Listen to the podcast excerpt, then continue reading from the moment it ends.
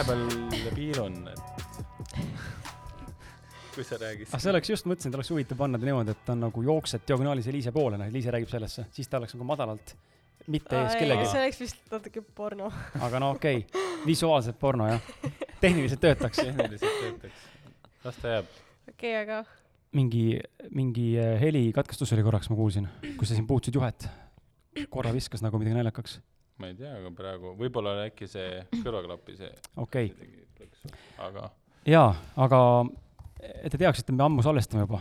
et äh, oh. tegin seekord teistsuguse meelega, nii et äh, tere tulemast kuulama, armas kuulaja. Hello, hello, tere tulemast ausalt mehe podcast'i, mina olen äh, Kris, ja mina olen Eliise Lomp. Eliise. Eliise on ka täna siin minuga ja, ja salvestame taas kord jälle, nagu ikka, uut episoodi, istume ProGeari ruumides, kui sa ei ole veel tutvunud eh, sellise ettevõttega või sellise tiimiga nagu ProGear, siis mine vaata progear.ee, kus leiad endale heli, valguse ja eh, samuti ka podcast'i ja video ja erinevad tehnikad, mis siis aitavad sul eh, siis sõna otseses mõttes luua content'i oma kuulajate jälgijast, jälgijatele, nii et eh, mine uuri, vaata, piilu. ja, ja midagi on, siis helista meestele, et või kirjuta otse Raivo Sinijärv olevale mehele. Raivo, tšau, tere. Raivo on meil täna ka stuudios. täna on üldse selline erakordne episood, et äh, külaline on tegelikult ähm, meil keegi teine, mingil määral võib-olla ka Raivo on täna külaline, aga, aga mitte küll otseselt podcast'i külalise vormis, pigem kaassaatejuhina, kolmanda saatejuhina täna toodud siia juurde, mida me polegi varem siin podcast'is nagu ette, ette tulnud ähm,. ja juht, juht on võib-olla palju öelda. ja noh, jah, aga ikkagi selles mõttes sa aitad saadet juhtida äh, täna läbi, läbi viia täna. nii et selles mõttes ma ikkagi selle tiitli sulle, sildi sulle külge panen, nii et äh, nüüd on nad resümee, CV nagu täiendus. oh.. saad sinna kirjutada, et ma olen äh, juhtinud podcast'i. Oh. aga jaa, me rääkisime enne siin vahetult, kui algus äh, sattusime meid kuulama kohe, siis äh, me rääkisime siin mikrofonide ja statiivide korraldamisest, kuidas oleks võimalikult hea siin stuudios salvestada ja kuidas oleks mõnus, aga ei leidnud ühtegi sellist kombot, kuidas oleks niimoodi, ma näeksin kõiki külalisi võrdselt, sest praegu on mingil määral, nüüd on parem, aga enne oli niimoodi, et ma ei näinud Raivot absoluutselt, sest et statiiv oli lihtsalt otse ees. ja, ja väga raske on teinekord äh, üldse inimestega, minu arust on raske suhelda ju, kui sa ei näe silmsidet, see on nagu kohe mingi element on seal vestluses nagu puudu tundub, et äh, peame valikut laiendama. jaa, repertuaari tuleb laiendada. okei, aga mis see lahendus oleks siis, valiku mõttes? ma mõtlen, et äh, statiivide valik. aa, selles mõttes jaa, jah. jah. jaa, absoluutselt, täiega ehm,. aga ega mul ei olegi midagi väga pikka siin äh, sisse enam äh, tuua juurde eraldi. Liise, kui sul mingeid äh, huvitavaid äh, taipamisi või mingisuguseid juhtumeid, apsakaid või, või mingeid feile siin äh, paari nädala poole jooksul pole olnud, siis, siis me alustame saatega, kui on, siis sa võid jagada. ma läheks asja juurde. Läheme asja juurde, Liis on konkreetne, ta ei viitsi kunagi mingit jama ajada minuga. väga halb. jaa, täna on külas meil Anne Laun, kes tegelikult on meil juba eelnevalt ka saates olnud. ilma, et ma hakkaksin kuidagimoodi midagi siin kokku valetama, vaatame kohe üle, minu arust oli episood seitsekümmend üks, aga vaatame kohe koos üle, kust leiate tema eelmise episoodi, täpselt nii. kui lähete siis äh, millises iganes me eelistatud platvormi, kus meid kuulata saab, olgu ta siis iTunes, Spotify, SoundCloud või, või mis iganes veel, siis sinna search või otsingumootorisse eh, saate kirjutada siis kas Anne Laun või hashtag seitsekümmend üks ausad mehed ja teil peaks tulema selline saade, nime, mille, mille nimi, pealkiri on siis hashtag seitsekümmend üks Mindshift klubi Anne Laun. teekond iseendani ei pea olema pikk ja see sai salvestatud eh, rohkem kui aasta tagasi. mm. -hmm. tõsi. Annelast on saanud täna, julgen väita, nagu sõbranna mulle, mulle väga meeldib Annela ja kohene klapp oli nagu olemas, kui me esimest korda kohtusime ja, ja tutvusime. seda, mismoodi meie tutvus alguse sai, saad sa ilusti minna ja kuulata esimesest episoodist. siinkohal tänud Peep Ainule, aga, aga täna on Annela uuesti stuudios, nii et äh, sa juba korra segasid, mitte seganud, vaid korra hüppasid vahele oma, oma lausega, tere tulemast saatesse. tere. et äh, äge on näha sind äh, jälle stuudios. ja mul on hea meel, et sul on täna esimene kogemus äh, ka selline, kus on siis võimalik enda häält otse kuulata. jaa, sellisel viisil ei ole õnnestunud veel podcast'i ei endal salvestada ega ka saates osaleda. et äh, esimene kord tegime minu juures kodus. jaa, ja siis me tegime ühe USB mikrofoniga, mis võttis peale kõiksugu müra igalt poolt juurde, kuigi tegelikult jäi okei okay,, aga selles mõttes siis ei olnud jah, mul veel äh, selliseid, selliseid võimalusi nagu täna on ja aga see on äge, kuidas sulle tundub enda, enda häält äh, niimoodi kuulata? Äh, kuna ma olen päris palju salvestanud enda häält ja videosid ja asju, et siis juba on nagu harjumuspärane, võõras ikka. aga, aga ma olen harjunud kuulama, et ei ole päris sellist väga-väga võõristavat tunnet. väga hea. aga ma lähen äh, teen väikse sissejuhatuse ja siis lähmegi kohe selle saate juurde, et vaatame, kui palju me suudame siin Annelast äh, väärtust ja häid, häid mõttevälju pigistada. ma arvan, kuhjaga. ja, ja, ja vaatame, mis siit tuleb, et äh, nagu ma juba ütlesin, saates on meil täna siis äh, meie vastas istumas siin laua ümber Anne Laun, kes on siis äh, täna tegutsev ettevõtte coach kellel on nõustamis- ja coaching'u agentuur äh, ettevõtjatele, juhtidele ja ekspertidele. Annelat inspireerib areng ja kasv ja just seetõttu naudib ta panustamist teiste inimeste ja ettevõtete arengusse. oma töös kasutab ta palju NLP-d ehk neurolingvistilist programmeerimist ja NLP, mis ta siis oma olemuselt on, on kogum väärtteadmisi, protsesse ja tehnikaid oma mõistuse juhtimiseks. ta on lõpetanud Mainori kõrgkooli ärijuhtimises, saanud mitmeid täiendõppeid NLP teemadel tema teekonda coach'ina tegutsemisel toetab üheksa-aastane panganduses töötamise kogemus, kuus aastat iseendale tööandjaks olemist ja kolm ja pool aastat klientide coach imist ning nende tulemuste saavutamisele kaasaaitamist. Annel ütleb, et sinu elu on mõistuse juhtimise tulemus, sest elus toimib kahe seadus, esimest korda luuakse kõik kahe kõrva vahel ja alles seejärel reaalsuses. Annel usub, et edu saavutamiseks on vajalik koos, kooskõlla viia oma mõtted, tunded ja tegevused. kui jätta üks neist tähelepanuta, siis teekond soovitud tulemuseni on aeglasem ja keerulisem Eh, vot, seekord siis selline Vau. sissejuhatus, et esimese saate sissejuhatust ei olnud, ma mõtlesin, ma siis korvan sulle selle apsaka, et ma sinust sissejuhatust ei teinud. nüüd siis tegin vähe sellise ilusama ja soravama, nii et äh, jaa. aga mu sõbrad, Eliise ja Raivo, kas ähm, tahate ise esimese asja kohe tulistada, millest tahame rääkima hakata? Ähm, mulle meeldiks rääkida täna eneseväärtustamisest. Ja ma kuulasin läbi ka Vol ühe, meie Ausad mehed podcast'i. Ja sa rääkisid seal hästi palju ähm, nagu enda mõtete ja mingisuguse alateadliku mustri nagu muutmisest. Ähm,. Ja üldse, et mis on inimese väärtused, et need peaks paika panema ja mul on nagu selline küsimus, et äh, kas väärtused peaksid tulenema inimese seest või äh, inimene mõtleb need väärtused enda jaoks nagu ise välja? võin äh, selgitada ka, et mis ma mõtlen selle all, et väärtused peaksid nagu kujunema ise, on nagu see, et mis tuleb sul kaasa kodust, kuidas sind kasvatati ja sealt tulevad mingid nagu väärtused. Või siis sa võtadki ülituimalt ja lihtsalt mõtled välja, et ma väärtustan seda ja nüüd ma hakkan seda tegema. no väärtused tulevad igal juhul kaasa meil kodust. kõigepealt meie vanematelt, sest äh, vanemad äh, õpetavad meid läbi oma väärtuste, aga need äh, kujunevad ka elu jooksul, et äh, kui me lähme kooli, satume mingite sõpradega kokku, seal on omad väärtused. koolikeskkonnal on omad väärtused. Et äh, need väärtused me tegelikult kogu aeg niimoodi äh, kogume, mugandame ja laias laastus niimoodi niikuinii nad kõigil kujunevad. nüüd küsimus on selles, et kas need väärtused, mida sa endal elu jooksul nii-öelda kokku kogunud oled, et kas need täna sind sinu elus selles mõttes teenivad või et kas nad toetavad seda, kuhu sa liikuda tahad, millist elu sa elada tahad. kui ei, siis on mõistlik otsa vaadata kõigepealt, mis need väärtused üldse on, sest ma julgen väita, et üheksa inimest kümnest tegelikult oma väärtusi päris täpselt ei tea et me aimame, mis need on, aga me ikkagi kunagi ei ole neile mõelnud. ja kui need väärtused täna ei toeta, et siis neid saab muuta, ehk siis sa saad justkui nii-öelda välja mõelda, et milline, millised väärtused näiteks seda elustiili või seda elu, mida ma elada soovin või kogeda soovin, et millised toetavad ja siis sa hakkad neid endal nii-öelda asendama, olemasolevaid siis selle uuega. aga kuidas see nagu praktikas peaks välja nägema? näiteks ähm, ma jauran sellega, et, et äh, tõsta iseennast esikohale, noh, erinevates valdkondades, tundub igati mõistlik, et, et Mhm. sa oled iseendale number üks.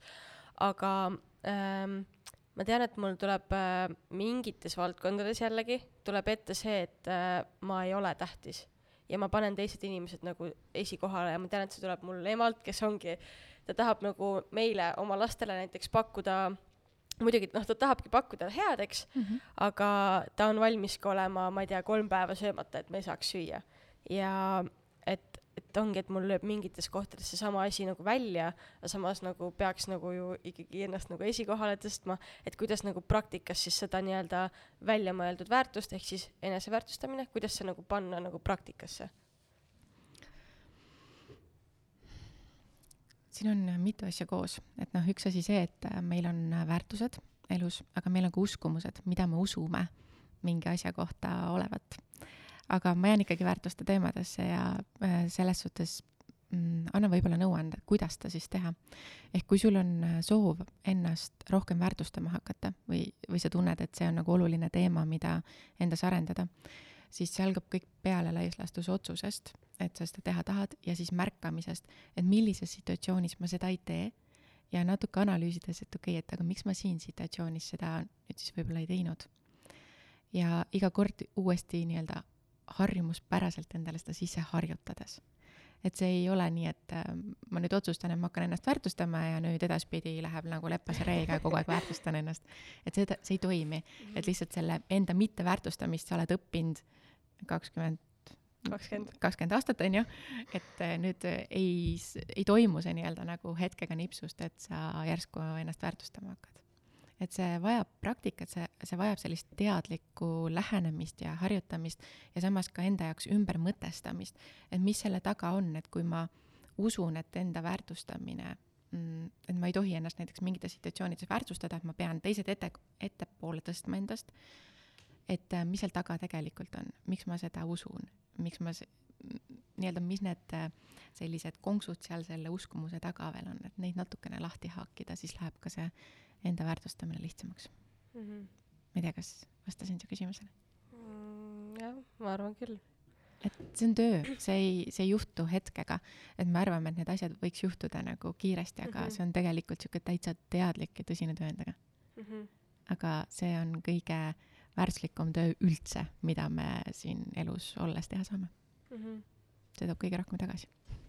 ma korra küsiks, kas see ei või, sinu küsimusele ei võiks olla see, et äh, see, sa mainisid ema ja enda siis suhet, et see mm, -hmm. see on hoopis mingi, midagi muud, et sa ei saa päris äh, selle väärt-, väärtustele siis, et ema ja siis tütre suhe on no, midagi muud kui, kui see muud äh, väärtuste asjad, et su ema jaoks on kas võib olla see, et, et see tema üks väärtusi oledki sina, et siis ta selles, paneb seda hoopis teistmoodi kuidagi väärtus, ma ei tea, Annela võib-olla oskab seda, ma, ma ei oska praegu sõnastada seda oma sa mõtet mõtled just nagu esikohale seadmisega just esikohale seadmisega, jah. priorite-, prioritiseerimisega, jah. et, et see on ka üks nagu väärtus noh, ta võib olla, sest me räägime Jah., mis, mida sa prioriteeri-, prioritiseerid elus, ehk mis on su väärtus, ma väärtustan seda, et mul on perekond ja suhted ja laps mm, Mhm. -hmm. ma väärtustan lapse arengut, on ju, see on ka tegelikult väärtus.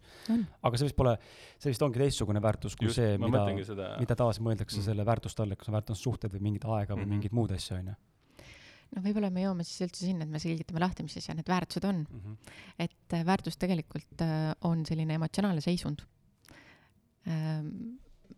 suures plaanis jagatakse väärtusi ikka kaheks, on ju, et on tugiväärtused ja põhiväärtused. et tugiväärtused tihti ongi selline, ma ei tea, raha, perekond, äri, edu, et see on justkui nagu mingi tugiväärtus, läbi mille me saavutame sellise põhiväärtuse ja põhiväärtuseks on enamasti alati selline emotsionaalne seisund. on see õnn, rahulolu, tasakaal, turvatunne, see on tegelikult mingi tunne, mida me taga ajame. et samamoodi enda väärtustamisega sa tegelikult ajad ka taga hoopis mingit tunnet. et mis tunne see on, mida sa sellele eneseväärtustamisega tegelikult otsid. et kui sa Mhm. sellele pihta saad, siis äh, selle enda väärtustamine läheb lihtsamaks. sa mainisid enne, et inimesed tihtipeale ei tea, mis need väärtused on ja kui ma kuulasin seda eelmist saadet ise nüüd siin paar päeva tagasi uuesti meelega, et saada aru, millest me rääkisime ja tuleta, meelde tuletada ja ühtlasi ma tegelikult äh, oli su teksti vaja saada ka selle talvelimu raamatu jaoks äh,. siis ma saingi aru tegelikult, et ma nägin, et sa küsisid mu käest, mis on mu väärtused mm. -hmm. ja ma mäletan, vastasin sulle suhted ja mu pea rohkem ei suutnud genereerida.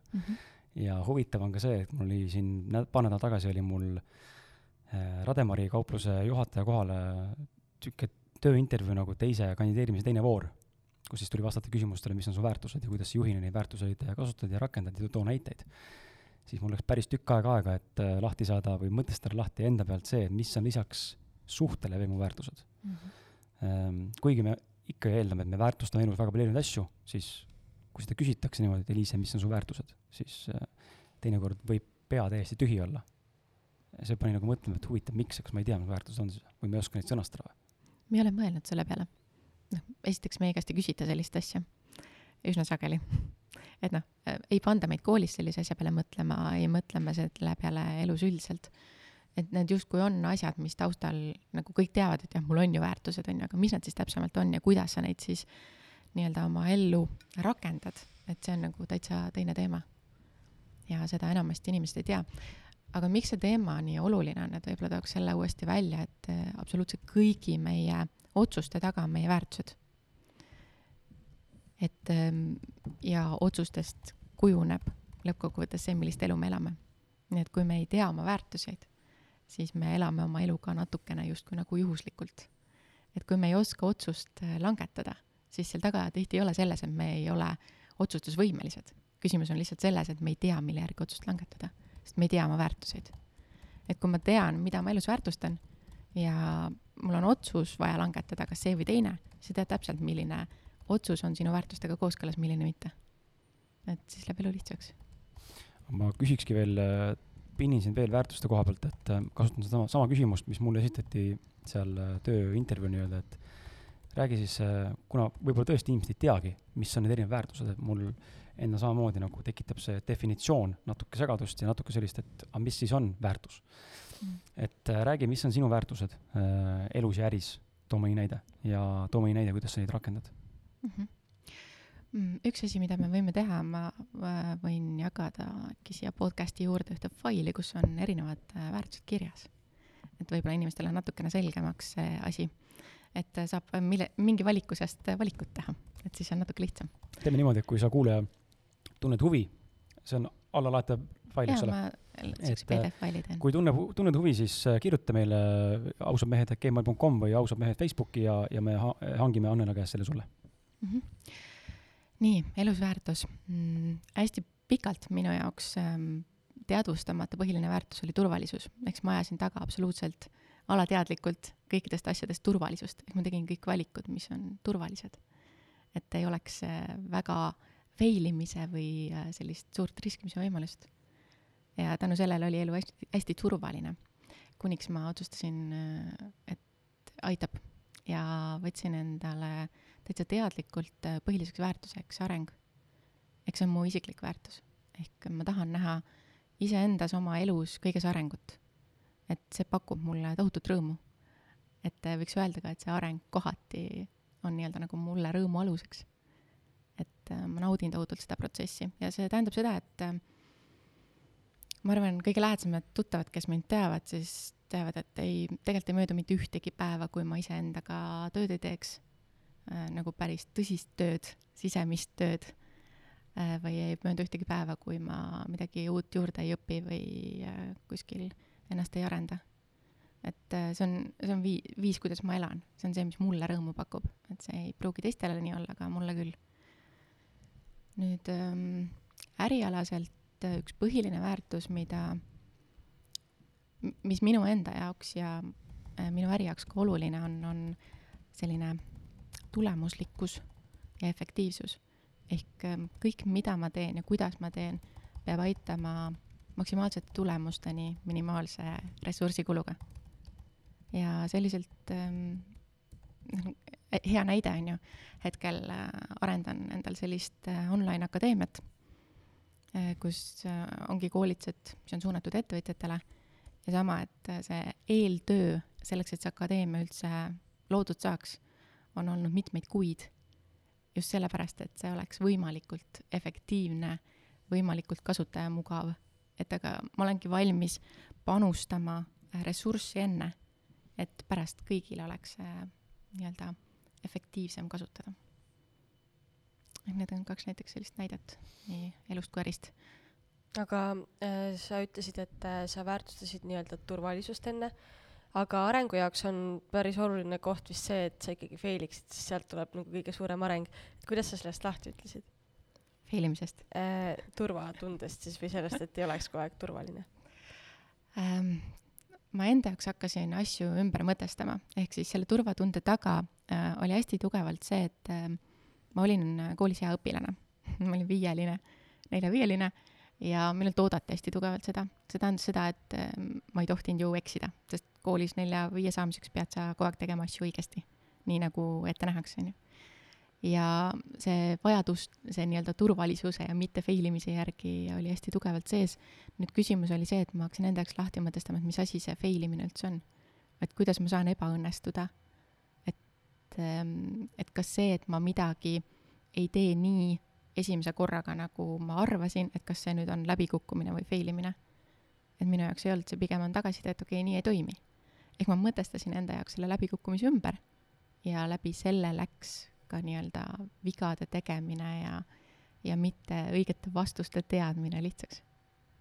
sest ma ei saanud enam minu definitsiooni järgi fail ida. minu jaoks fail imine on ainus, minu jaoks, ma kujutan ette, et elus kõige suurem fail saab olla see, et kui ma ei proovi et see on fail. et see, et ma proovin ja see välja ei tule, see ei ole täna minu jaoks enam läbikukkumine mm. -hmm. Väga hea, kõik vaatavad, vaatavad üksteisele otsa siukse näoga nagu, et what the fuck just happened. kuld on see, kuld. Annele tulistab siin kullakangeliselt, et aga okei okay,, aga räägime sellest, äh, sa mainisid seda online koolitust, mida sa oled nagu vaeva näinud ja, ja ehitanud mitu kuud, et räägime siis äh, ka sellest, et kuidas, mis see nagu täpsemalt endast kujutab, mis see on, kellele see mõeldud on, äh, kas sinna võivad tulla ainult ettevõtjad, ainult suurettevõtte juhid, kellel on tuhat töötajat, või sinna võivad tulla ka spetsialistid, väikeettevõtjad ja samal ajal ka inimesed, kes võib-olla ei olegi ettevõtjad?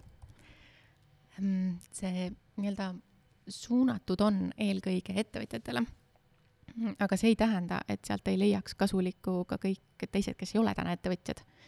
et ähm, esimene asi, mis sinna nüüd üles kohe-kohe tuleb, ongi seesama väärtuste teemaline selline kursus, mis aitabki endal neid väärtuseid selgitada, aru saada, kas need toetavad sind, ka neid tähendusi sinna juurde panna ja ka reegleid, et millisel juhul see väärtus konkreetselt sul elus äh, nii-öelda on olemas või mis juhul ta sinu enda jaoks ei ole olemas.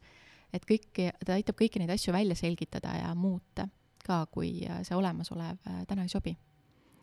Et ähm, selline hästi praktiline, hästi lihtsasti läbitehtav ja ma ütleks, et see väärtuste koolitus äh, on tegelikult absoluutselt kõigile.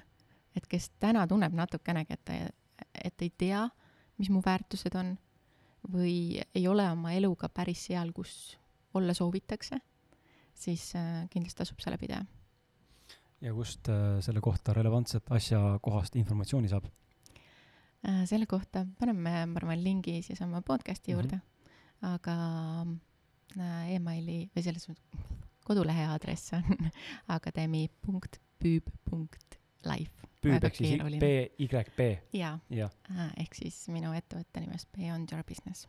okei okay paneme need äh, jah, need lingid ja viited ja asjad paneme sinna alla mm. kuskile kirjeldusse või siis vastavasse Facebooki postitusse või mine tea, äkki isegi potsatab sulle emaili, kui sa oled ausalt meelest emaili listis. et siis on kindel, et sa kuskile valesse kohta ei kuku, sest et noh, on, on nagu on nende lehekülge aadressid asjadega teinekord, et kirjutadki ühe tähe valesti ja jõuab kuskile, ma ei tea kuhu või ei jõua kuskile, onju. ei ole jah, kõige lihtsam ka see kodulehe aadress. okei okay, ähm, aga okei okay,, sinu poole kui coach'i poole pöördutakse suuremas osas ettevõtluspõhiste küsimustega. ja isiklikku arengut loomulikult on ka selles, sest et äh, ilmselgelt ettevõtja või mitte ettevõtja isiklik areng on inimese, iga inimese igapäevaelus tegelikult olemas, küsimus on, kas me selle valime. ja kui palju me seda valime, mis mahus me seda valime. aga mm, mm, ma tahaks küsida, kas ja kui, kui palju ning kummas tunned sa end pädevamana kas sa oskad anda coach'ina nõu pigem ettevõtluses või pigem äh, ettevõtjatele nende isiklike probleemidega äh,? või, või pigem suudad sa luua sellise harmoonia, dünaamika nende mõlema vahel mm,? ettevõtlus coaching kui iseenesest on ikkagi ettevõtja kui siis inimese coaching. et äh, me ei saa coach ida ettevõtet kui sellist, et äh, juriidilist, kuidas seda coach itada, on ju. et tegelikult ta hakkab kõik pihta ikkagi ettevõtjast. Ja seal tulevad sisse kaks poolt ikkagi korraga, millega ma mõlemaga tegelen, et üks pool on siis ettevõte, üsna sageli just see, et ähm, on vaja natukene süsteemsemalt läheneda, strateegiliselt võib-olla mingisuguseid asju paremini läbi mõelda. Aga suur osa ikkagi on ettevõtja coaching, ehk siis ähm, mitte nii väga võib-olla siis, vahel ka isiklikud teemad, aga üsna sageli ikkagi see, et äh, kuidas see ettevõtja iseennast tunneb, kui hästi ta iseennast tunneb, kui hästi ta tunneb enda väärtuseid äh,, kui selge on tal visioon, kuhu ta oma ettevõttega tegelikult liikuda tahab ja päris sageli me lähme ikkagi ka nagu kommunikatsiooni juurde, ehk siis kas siis ähm, äripartneritega, mm, kolleegidega, äh, töötajatega mm, ja, või klientidega suhtlemisel. et üsna sageli tekivad sellised probleemid või takistused seal. just sellise nii-öelda suhtlemise mm, mõistmisel, üksteise mõistmisel. et siis me räägime päris palju ka nendest teemadest. aga mis on need peamised, äh, äkki oskad välja tuua mõned sellised näited, peamised probleemid või põhjused, mille pärast ettevõtjad pöörduvad sinu poole üldse, et kui täna meid kuuleb ettevõtja, keda meie seast tuleb välja, et on väga palju, ausameeste kuulajate seas on ettevõtjaid väga palju, siis äh, kui sa tunned täna, et Annela sind kõnetab ja, ja tekib tunne, et tahaks temaga või sinuga vestelda, siis mis on need asjad, mille pärast ta peaks mõtlema, et aa, ma võin siis minna. või et aa, sinna ei ole mõtet minna, sest Annela ei vasta mulle või ta ei oska aidata mind või ei taha. et äh, mis, mis on need põhisegmendid, põhiprobleemid, põhiasjad? Mm, esimene asi on selgus, ehk puudub selgus. Mingi segadus on, et äh, enda peas olen mõelnud küll näiteks neid mõtteid, aga, aga vajan ikkagi nagu suuremat selgust. et äh, see on üks põhilisemaid teemasid ja see tuleb välja nagu erinevates teemades, noh, mis iganes, et kuhu ma ettevõttega liikumas olen, kuidas siit edasi minna, kuidas mingid situatsioonid ära lahendada. või kas või see, et ma ei tea, hetkel ei ole piisavalt kliente, kuidas ma kliente juurde saan. puudub selgus et kõigis nendes tegelikult äh, saan aidata äh, seda selgust luua. Aga selline põnev asi, mis minu enda jaoks välja on tulnud äh, selle nüüd varsti juba nelja aasta jooksul, on see, et ettevõtjad tegelikult on oma mõtetega üksi. ja üsna sageli käiakse minu juures lihtsalt selleks, et rääkida pihtida. psühholoogi juures see ei ole nii väga nagu sihuke psühholoogi juures käimine, vaid, vaid lihtsalt see, et äh, kui on ka mingi ärialane otsus vaja langetada, sul ei ole seda tegelikult kellegagi arutada. et noh, ma ei tea, koju naise-mehega rääkima ei lähe, on ju, sest et äh, neil on oma agenda. et kui sul on plaan on ju ettevõtet kasvatada, lähed koju oma naise või mehe juurde, räägid, oh, kuule, tead, ma tahan oma ettevõtet kasvatada. tema jaoks on see, et pagan, et sa võiks rohkem kodus olla, on ju, no mis sa arvad, mis nõude sulle annab? ei ole vaja rahuneti et see on, see, mis hetkel on, on ka jumala okei okay,, no kuhu sa trükid, on ju. et eks siis eh, kodustel tihti on, võib olla nagu kallutatud eh, vaatenurk sellele asjale. ja noh, töötajatega ka ei lähe ju rääkima, et kuule, tead, ma tegelikult ikkagi ei tea, kuidas seda olukorda ära lahendada, et hetkel on täitsa hapu majas, on ju. et sa ei lähe seda rääkima töötajatele ja siis okei okay,, noh, võib-olla sõpradega sauna lähed, aga aga kui need ettevõtjad ei ole, siis ega nad ei saa ka sinust aru ja üsna sageli käiaksegi just sellepärast, et äh, esiteks mul on äh, päris pikk ettevõtluse kogemustaust, ehk ma mõistan seda valdkonda ja seda ettevõtjat päris hästi. ja ongi see, et saab lihtsalt arutleda nendel teemadel, ehk siis argumenteeritult ja selliselt efektiivselt lihtsalt asju läbi arutada, et enda peas ja mõtetes tekiks selgus. pluss siis muud igasugused teemad, mis, äh, mis üles tulevad. nüüd, kui mõni ettevõtja kuulab ja et, et okei okay,, et tunneb, et ma võib-olla peaksin selle äh, koolituse siis võtma või sinu poole pöörduma, siis äh,, siis mul kohe esimene asi tekib selle, selle kogu asja juures, et okei okay,, et aga kuidas need väärtused mind otseselt nagu minu ettevõtet äh, aitavad. et sest minul on arusaam olles ise ka ettevõtja, et väga palju on ikkagi seda, et sa vaatad seda Exceli tabelit, on ju, ja siis see on see, mis annab sulle vastused. aga ma iseenda töös tunnen seda aina rohkem, et et see Exceli tabel on küll üks nii-öelda töövahend, mida noh, on hea analüüsimiseks kasutada, aga lõppkokkuvõttes ta tegelikult noh, minu mina rohkem nagu tahan sellise tunnetuse pealt äh, toimetada, et aga enamus, ma arvan, et äh, tegutsevad just selle Exceli tabeli pealt, et kuidas äh, äh, kas nad ettevõtjad, kes nagu ka samamoodi mõtlevad, et äh, kas nad peaksid ja, ja miks nad üldse peaks sinu poole pöörduma selles, selles äh,, selle küsimusega? nagu väärtuste teemaga jah? Väärtuste teema tuleb sisse päris mitmes erinevas äh, kohas ettevõttes. noh, üks asi on see, et ähm, ettevõttel on ju mingisugune visioon või eesmärk, kuhu ta liikuda soovib. ja see peaks, see peab, see peab see peab olema kooskõlas tegelikult ettevõtte väärtustega. ehk see, need väärtused on see, mida me tajume, mida see ettevõte kannab.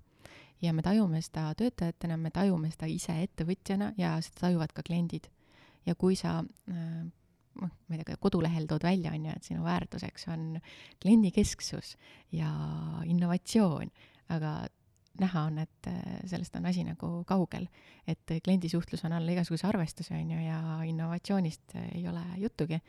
et ähm, see on see nii-öelda kongruentsus, ehk sa, et see, mida sa räägid, et su ettevõte kannab ja see, mida teised tunnetavad väljaspoolt, et need peavad omavahel kokku minema kui need kokku ei lähe, siis kliendil tekib tunne, et pagan, et seal on midagi valesti. et nagu aru ei saa, aga see tunnetus tekib sinna juurde.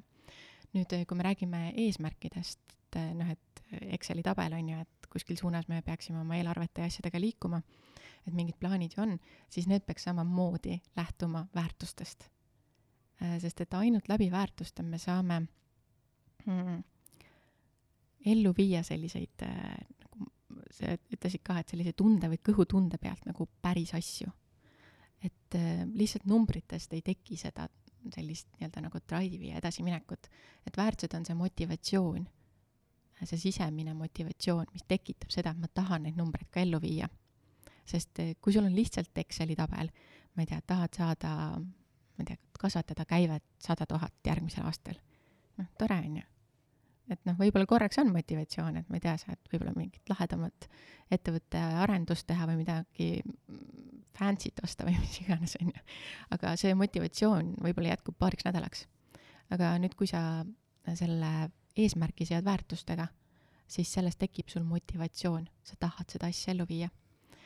ja noh, miks neid väärtuste teemasid mm, paika panna, see tuleb sisse ka oma meeskonna koostamisel sest et ähm, see meeskond, kelle me enda ümber koondame, see peab kandma endas ka neid samu väärtuseid. või kui mitte kandma, siis see, need väärtused peavad tem-, nende jaoks ka olema okeid. et ähm, täna on päris keeruline teema tõenäoliselt töötajate leidmine, et ähm, samamoodi väärtuspõhiselt värvata õigeid inimesi, see on nagu mega oluline. et täna enam muud moodi ei saa ja sa ei saa seda inimest motiveerida pingutama, kui tema ja sinu ettevõtte väärtused omavahel kokku ei lähe. et äh, see lihtsalt ei toimi. et need asjad peavad kooskõlas olema ja see tundub nii niisugune pehme teema, millele nagu noh, mida väärtustega tegeleda, mul ju kodulehel kirjas, ma ei tea, neli väärtust, on ju. kõikidel ettevõtetel on, on ju. aga kas see ettevõte päriselt ka igapäevaselt neid väärtusi ellu kannab? Et äh, seal, seal tekib vahe sisse ja siis sa hakkad aru saama sellest, et miks mingi ettevõte paistab silma ja eristub, miks teine ei paista. sest et äh, see ettevõte, kes silma paistab, sa tead neid väärtuseid, sa tajud neid. noh, hästi hea suur rahvusvaheline näide on ju Apple, sa tead, noh, ta igast sellest rakust, mida nad teevad, äh, tulevad nende väärtused välja. et see on oluline ja see eristub ja tänases turusituatsioonis, kus Eestis ka on üsna, üsna tihe sellises väikeses kohas nagu Eesti ikkagi ettevõtlusalaselt, siis sa pead eristuma ja väärtused ilmselgelt on üks asi, millega eristuda. aga pöörame selle küsimuse ja jutu nagu selles suunas, et äh, oletame, isegi ei pea oletama, täna meie ru-, siin ruumis on juba paar inimest, kes on ka pal-, nii palgatöölised kui ka ettevõtjad, on ju, aga räägime siis korra sellisest vaatenurgast, et neid samu väärtuseid või väärtust, kuidas, mida sa oskad nagu öelda või nõu anda inimesele, kes on täna palgatööline, tahab hakata ettevõtjaks? Vahet pole, mis idee tal on, kas tal on startup'i idee, on tal mingi väikeettevõtja idee, on mingi tooneteenus, pole oluline, aga tahab hakata ettevõtjaks, siis äh, millised väärtused ta võiks nagu silmas pidada, mis on need sellised, kas üldse on väärtuste puhul selliseid klassikalisi konkreetselt nii-öelda basic reegleid, üks, kaks, kolm asja, kui sa neid kasutusele võtad, siis igal juhul on see parem kui mitte kasutusele võtta. mida siis inimene võiks nagu mõelda, et okei okay,, ma nüüd lähen ettevõtlusteed pidi, ahah, Annele soovitas mulle seda, ma siis rakendan no esimese asjaga, asjana ma soovitan selgeks teha need väärtused, mida see inimene täna kannab. ja kui ta teab, mida ta selle palgatöö asemel teha soovib, noh, on selleks startup või luua ise endale töökoht või mis iganes, on ju, et siis ta teab ka ju seda, et milliseid väärtuseid see ettevõtlus, ettevõtja või ettevõtlusstiil kandma peaks. et noh, ma ei tea, sa oledki startup'i tegija, on ju, et sa pead olema valmis riskima, valmis äh, olema julgelt eristuv äh,, julgema läheneda investoritele, tegema ettepanekuid, oskama meeskonda koondada või siis leidma inimesed, kes äh, neid töid sinu eest teevad. et sa ju tead, et mida selleks vaja on, kui sa sellist asja teha tahad. ja nüüd ongi kasulik mõelda, et okei okay,, et äh, kui ma selline, see on nii-öelda see eesmärk, kuhu ma liigun, siis millised väärtused just seda nii-öelda stiili või ettevõtlust kõige paremini kannaksid. Ja siis vaadata, et mis mu olemasolevad väärtused on ja mis on need nii-öelda nagu nõutavad väärtused ja kas seal on, et kas nad võrduvad või seal on vaja midagi muuta. eks see algab pihta ikkagi sellest, kuhu sa liikuda tahad ja sellest arusaamisest, kus sa täna oled oma asjadega. et noh, ettevõtlus tundub täna, ma arvan, et väga glamuurne ja seksikas. väga paljud tahavad hakata ettevõtjateks et kõigil on see, see palgatöölt loobumise tunne, et noh, et fuck, ma teen enda asja, ma teen ise. et äh, ülemus ei pea kõiki raha endale saama või et ma ei saa siin teha nii, nagu ma tahan, on ju, ma tahan teha oma asju. aga noh, reaalsus on see, et ähm, ta ongi äge, aga see vajab täiesti teistsugust äh, mindset'i kui palgatööl olemine. ja, ja see vajab kannatlikkust, see vajab soovi, see vajab seda niisugust suuremat eesmärki miks sa seda asja teed, sest vastasel korral on loobuda lihtne ja minnakse palgatööle tagasi, mis on ka okei okay.. et ähm, iseenda tundmist on vaja. Eli, tahtsid midagi öelda või? ma tahtsin öelda just see, et äh, olles ise ka nüüd äh, juba kümme aastat ettevõtja olnud, et siis selle oma kogemuse pealt võin öelda, et see, see samm, et oh, ma teen enda asja ja tulen selle palgatöölt ära, siis äh, tegelikult see kulmineerus sellega, et ikkagi ikka aastaid ja aastaid äh, sai tehtud. Äh, seda asja niimoodi, et ega noh, ei, sa ei mõelnud selle peale, et, et oh, nüüd saaks jube palju pappi ja, ja noh, loomulikult sisemas sa seda mõtled, äh, noh, et võiks ju olla selle, sealt ju ka midagi tulla, aga tegelikkus on hoopis midagi muud, et sa pead või vähemasti mul oli, ma arvan, et see on nagu erinevad äh, ettevõtjad on erinevad, ma ei ole niisugune traditsiooniline, et äh, ma ei ole õppinud seda, lihtsalt hakkasin kuskilt nagu peale ja, ja tegin. ja, ja see kujunes selliselt, et ma lihtsalt tegin seda, mis mulle meeldib. Ja, ja ma ei mõelnud selle, selle rahalise poole peale. Ja vahepeal on tegelikult, ma mõtlesin, et ma lõpetan selle ära just sellepärast, et äh, tegelikult palgatööl ma sain rohkem raha kui, kui, kui selle ettevõtjana, et see, see unel, mis paljudel nagu on, et ma hakkan ettevõtjaks ja siis kohe hakkab raha tulema. igalt poolt pritsib sisse. igalt poolt nagu tuleb nagu lihtsalt, et et käin mopiga ringi ja, ja seda, seda raha tuleb, siis äh, tegelikkus on hoopis midagi muud. loomulikult osadel see võib olla, aga minul vähemasti see nii ei olnud aga millest see tuleb, minu enda kogemus, mida ma olen siin nüüd Facebookis mõnele inimesele jaganud, äh, aga saates ei olegi sellest rääkinud, aga ma pikalt ei räägi, aga minu kogemus äh, ettevõtlusesse minnes oli, oli samasugune, ma tulin palgatöölt ära, sellepärast et äh, ühtepidi elu soosis seda valikut tungivalt, tahtis anda märku, et mine tee, proovi. teistpidi oli võimalus ja kolmandaks mulle pandi palgatööle see ultimaatum, mis mulle ei sobinud, et hakka müüma. ma ei ole müügimees, sorry, ei koti, ma ei tee seda, Äh, aga, aga mis ma, mis juhtus, oli see, ma õppisin, et äh, äh, ühesõnaga ei saanud hakkama esimese vooruga, nüüd on täna see hetk, kus ma astun sammu tagasi, lähen uuesti palgatööle, et alustada uuesti teise vooruga, on ju. aga tahakski nagu küsida, miks, miks inimesed ebaõnnestuvad ettevõtjana võib-olla või mis siis, mis siis juhtub, on ju, mis on need üldised sellised levinuvad apsud või, või sammud, mis jäävad tegemata või millele ei mõelda või mida ei osata ette näha, need nurgakivid, mis siis tegelikult maksavad kätte selle, et perse läks, noh.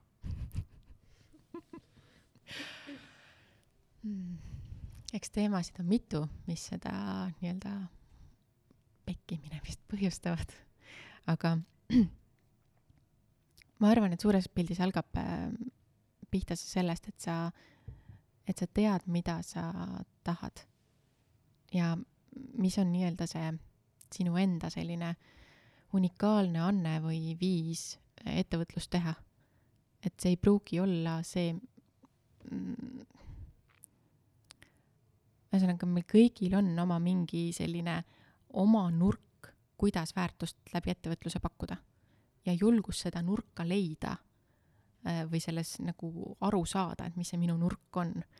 et äh, see eeltöö võiks olla enne tehtud, et sa saad nagu aru sellest, et see, see on niisugune päris pikk protsess, et äh, mõista ikkagi, et mis see minu erinevus või unikaalsus nagu on, aga see aitab nagu väga palju mm, kindlasti aru saada sellest, et see et, mõtteviis ettevõtjana on täiesti teine kui palgatööl olles.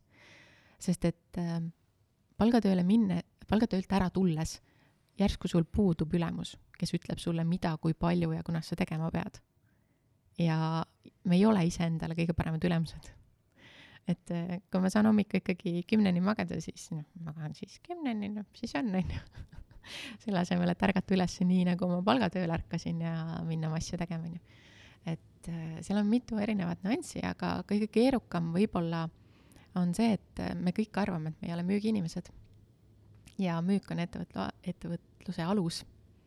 et siis tuleb see müük endale, tuleb enda jaoks nagu lahti mõtestada, et mis see müük minu jaoks on, miks ma seda, miks ma arvan näiteks, et ma ei ole hea müüja väljapressimine, väljapressimine. no just. ja kes see tahab olla väljapressija, onju. et siin on küsimus selles, et siis tuleks ära muuta enda jaoks see definitsioon, mis müük on.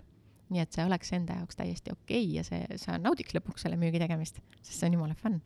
jah, võib-olla see müügi osa ongi, see müük on äh, pandud selline silt külge, et, et see, see on see inimene, kes seal äh, jah, et poes määrib sulle seda äh, pensionifondi peale, on ju, et, et äh, tegelikult müük on äh,, igapäevaelus on, me kogu aeg müüme kas ennast või, või mis iganes situatsioonis, kui sa ennast esitled, siis, siis ka ju tegelikult on ju mm -hmm. müük. nõustun.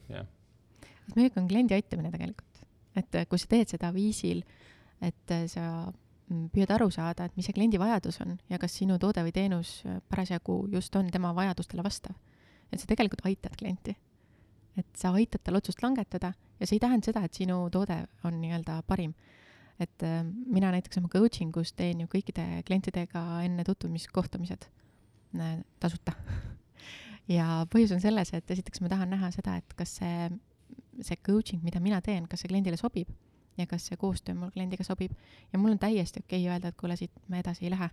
või et äh, ma soovin su, soovitan sulle minna näiteks teise või kolmanda inimese juurde. just sellepärast, et noh, minu eesmärk ei ole iga hinnast müüa, vaid minu eesmärk on see, et see asi oleks efektiivne kliendi jaoks ja mul endal ka tore teha.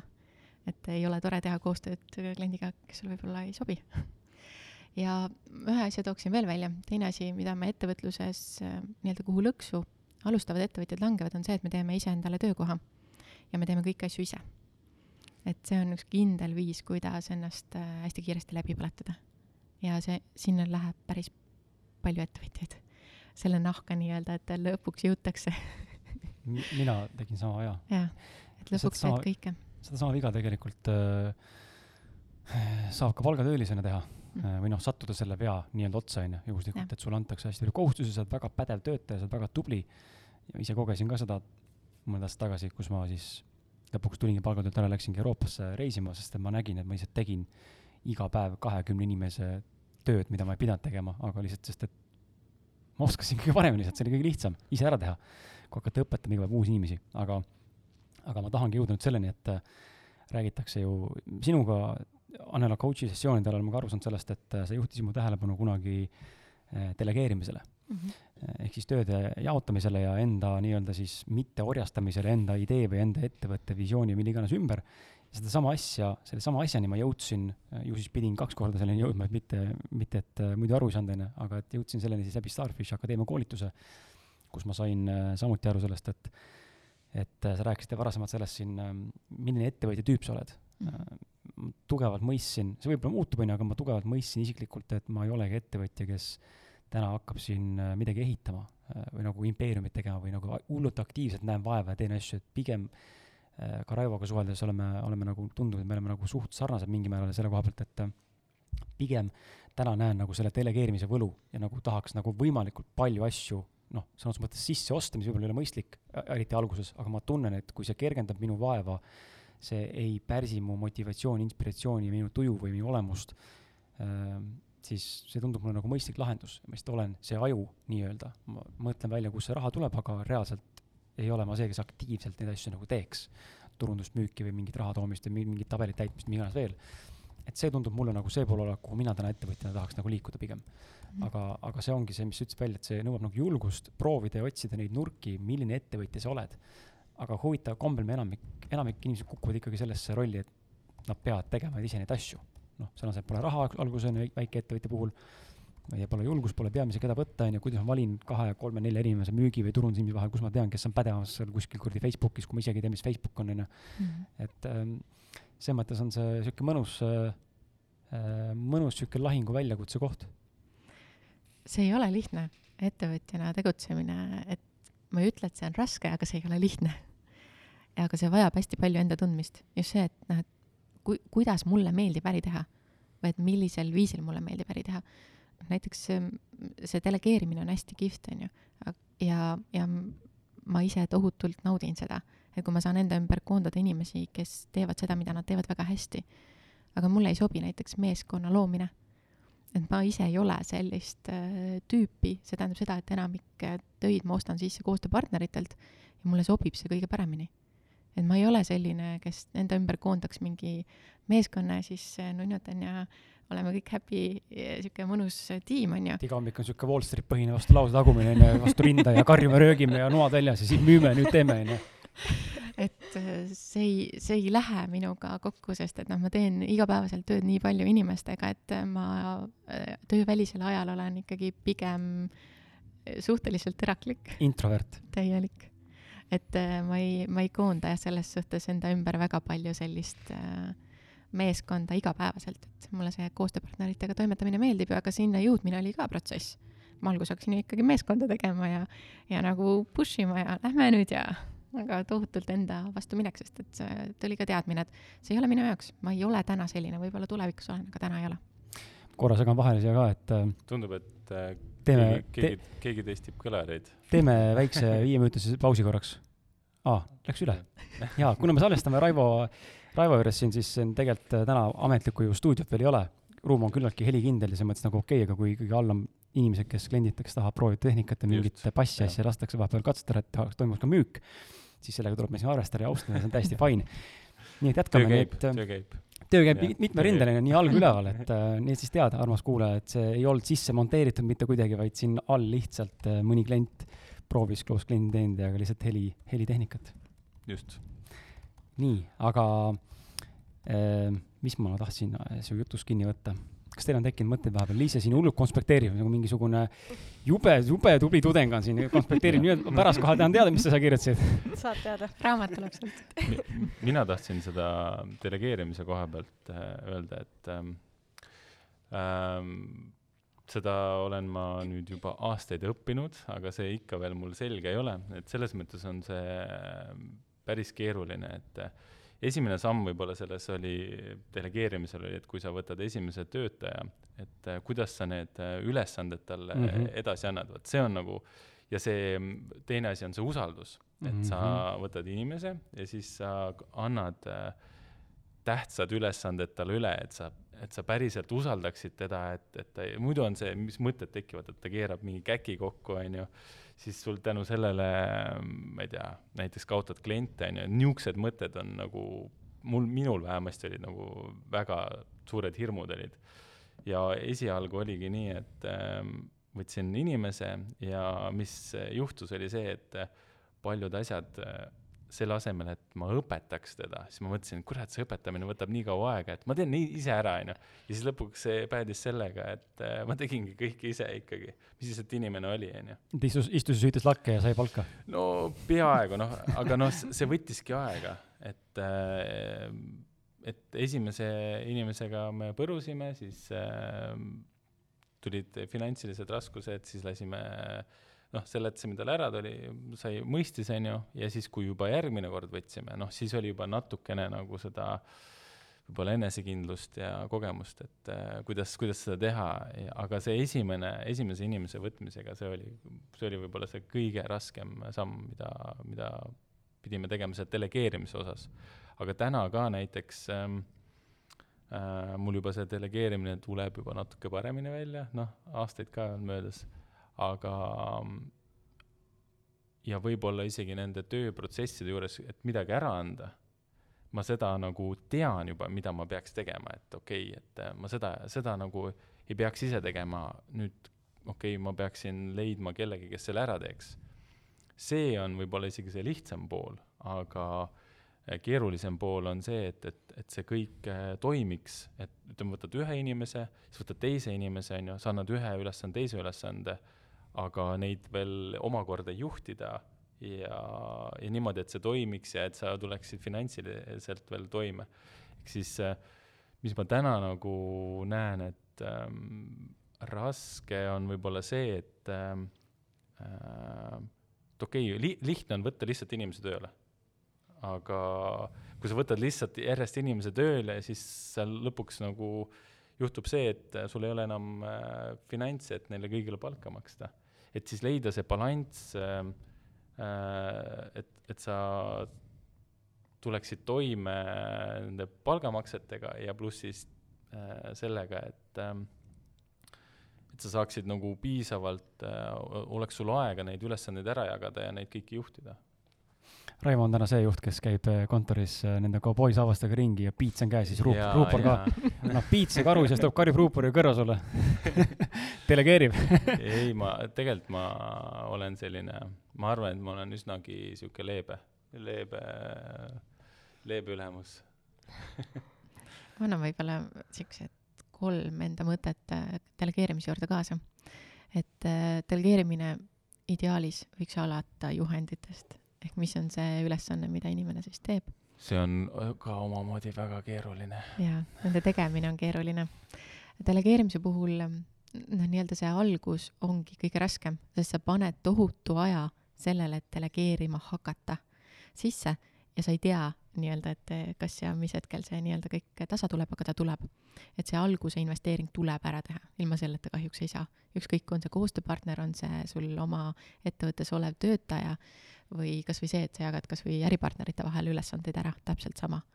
et ideaalis see võiks olla juhendiga, ehk siis kui sul on mingid korduvad tegevused, mida sa delegeerid, siis need võiks olla juhenditega kaetud on nad videojuhendid, kirjutatud juhendid, see sõltub ettevõtte spetsiifikast juba. siis teine asi on see, et ülesandeid edasi andes ma olen soovitanud ehm, nii-öelda see ülesanne lahti selgitada ja siis pärast küsida sellelt, kellele sa seda delegeerid, mida sa kuulsid või millest sa aru said. et ta räägib oma sõnadega veel kord sulle üle, et sa saad aru, et kas ta sai sinust aru nii, nagu sa mõtlesid. ja kolmas asi on see, et leppida see tulem, mida sa ootad kokku ja eh, siis kasvõi mingite perioodide tagant siis eh, kasvõi selle protsessi jooksul siis võtta selline hetk ja kaardistada, et kus maal asjaga ollakse. ja see on ka hästi huvitav, ma ise olen selline töö tegija, et ma pean teadma, mis tulemust mult oodatakse, aga seal nii-öelda see, kuidas ma tulemuseni jõuan, selles peavad olema mul vabad käed ehk siis äh, seal ei to-, seda protsessi ei tohi keegi kontrollida, sest muidu ma viskan nii-öelda pulgad nurka, kõnnin minema, siis mul on vsjo, aitab jamast. et äh, ja ma olen ühe korra koostööd teinud ühe äripartneriga, kellele ei mahtunud üldse pähe minu töö tegemise stiil või viis. ja see oli täiesti hullumeelne, me ainult kaklesime kogu aeg, sellepärast et äh, mina ei saanud aru, mida ta must tahab kogu aeg ja ta ei saanud aru, miks ma ei tee nii, nagu tema arvab, et neid asju tegema peaks. ja siis, kui me pärast selle ühe projektiga lõpuni jõudsime, siis ta ütles, et Annele, et ma vaatasin sind kõrvalt nagu kogu aeg, et kuidas see on võimalik, et sa üldse nagu selle asjaga hakkama said, et sa ju ei teinud töid, sa ei teinud ju tööd. et noh, tema jaoks see töö tegemine tähendas natukene midagi muud, on ju. et äh, siin on ka oluline mõista seda inimest, kellele sa ülesande annad, et äh, kas ta tahab seda, et sa nii-öelda juhendad, kuidas ta tulemuseni jõuab, või sa pead andma talle vabad käed, et ta ise leiab selle viisi. et äh, siin on jah, vaja natuke inimesi tundma õppida ehk siis üks tasand veel sellele delegeerimisele, sa pead veel inimest tundma ka. jaa, ja eriti hea, kui sa tead selle inimese väärtuseid, siis sa saad teda motiveerida läbi tema enda väärtuste. ja siis ei ole sul vaja talle lihtsalt niimoodi rahapatakatega mööda pead visata, et ta tööd teeks, sest siis ta tahab teha, sest et äh, see on midagi, mis teda siis sisemiselt motiveerib tahtsingi just jõuda selleni, et see lisa, lisa nii-öelda selle delegeerimise ülesanne või fookuspunkt ongi siis seesama asi, et töötaja ju ei, mitte keegi ei taha eh, teha tööd sellepärast, et omanik saaks rikkamaks, on ju. väga vähe on nii heatahtlikke inimesi, kes tulevad tööle, et las ma siis teen sind rikkaks. et noh, neid ei ole, pigem ei ole neid inimesi, on ju, kõik tahame täita mingit enda ambitsiooni ja enda mingit asja. ja ma ise olen näinud ka, et inimestega, olles nagu juhtivatel positsioonidel töötanud ja ettevõtjana pole veel kogenud, sest palgatöölisi pole olnud aga ma näen, et inimestel on nii oluline, kui nad saavad aru sellest, mis on see bigger picture, mis on see, miks ma tegelikult, miks, miks ma, miks ma fucking mm -hmm. tegelikult teen siin mingi arvutis mingit asja praegu või miks ma, miks ma salvestan su ettevõtte poolt seda podcast'i, kelle jaoks, mille jaoks, mida see täidab. ja kus sa suudad nagu seda suurt pilti inimesele näidata ja, ja tema nagu tööpanust äh, ka sellesse kaasata ja, ja ta näeks läbi kaardistatuse seda, kuidas tema töö tegelikult toob mingi tulemuse või täidab mingi suurt, suuremat rolli pusletükist, siis on see, ma arvan, kus inimesel tekib see eureka, et ahaa, okei okay,, nüüd ma saan aru, kui oluline tegelikult mu töö veel on, sest me kõik otsime ikkagi seda, et me oleks nagu väärtustatud, meie töö oleks oluline, mitte et mm -hmm. oleks nagu meaningful mitte nagu meaningless, on ju. et ma lihtsalt olen seal saalis ja siis on käed rüppes, on ju, ei, sa teed nagu midagi palju suuremat. aga noh, seal ongi küsimus, et äh, kuidas siis nagu, kuidas siis leida see inimene, kellel see klikk ära käib, on ju, et ilmselgelt on ka neid, kes lihtsalt tulevad sellepärast, et saada seda rahapatakat äh, ja that's it, mind muu ei huvita, on ju. aga, mis on ka okei okay,, aga ma ise näen, et pigem oleks vaja leida inimesi, kes on nagu tõesti tahavad seda asja nagu täita, täide viia koos sinuga. jah, see algabki sellest sammast, vaata, mis sa alguses äh, välja tõid, on ju, et sa käisid töövestlusel ja su käest küsiti, et mis, äh, mis on sinu väärtused mm. -hmm.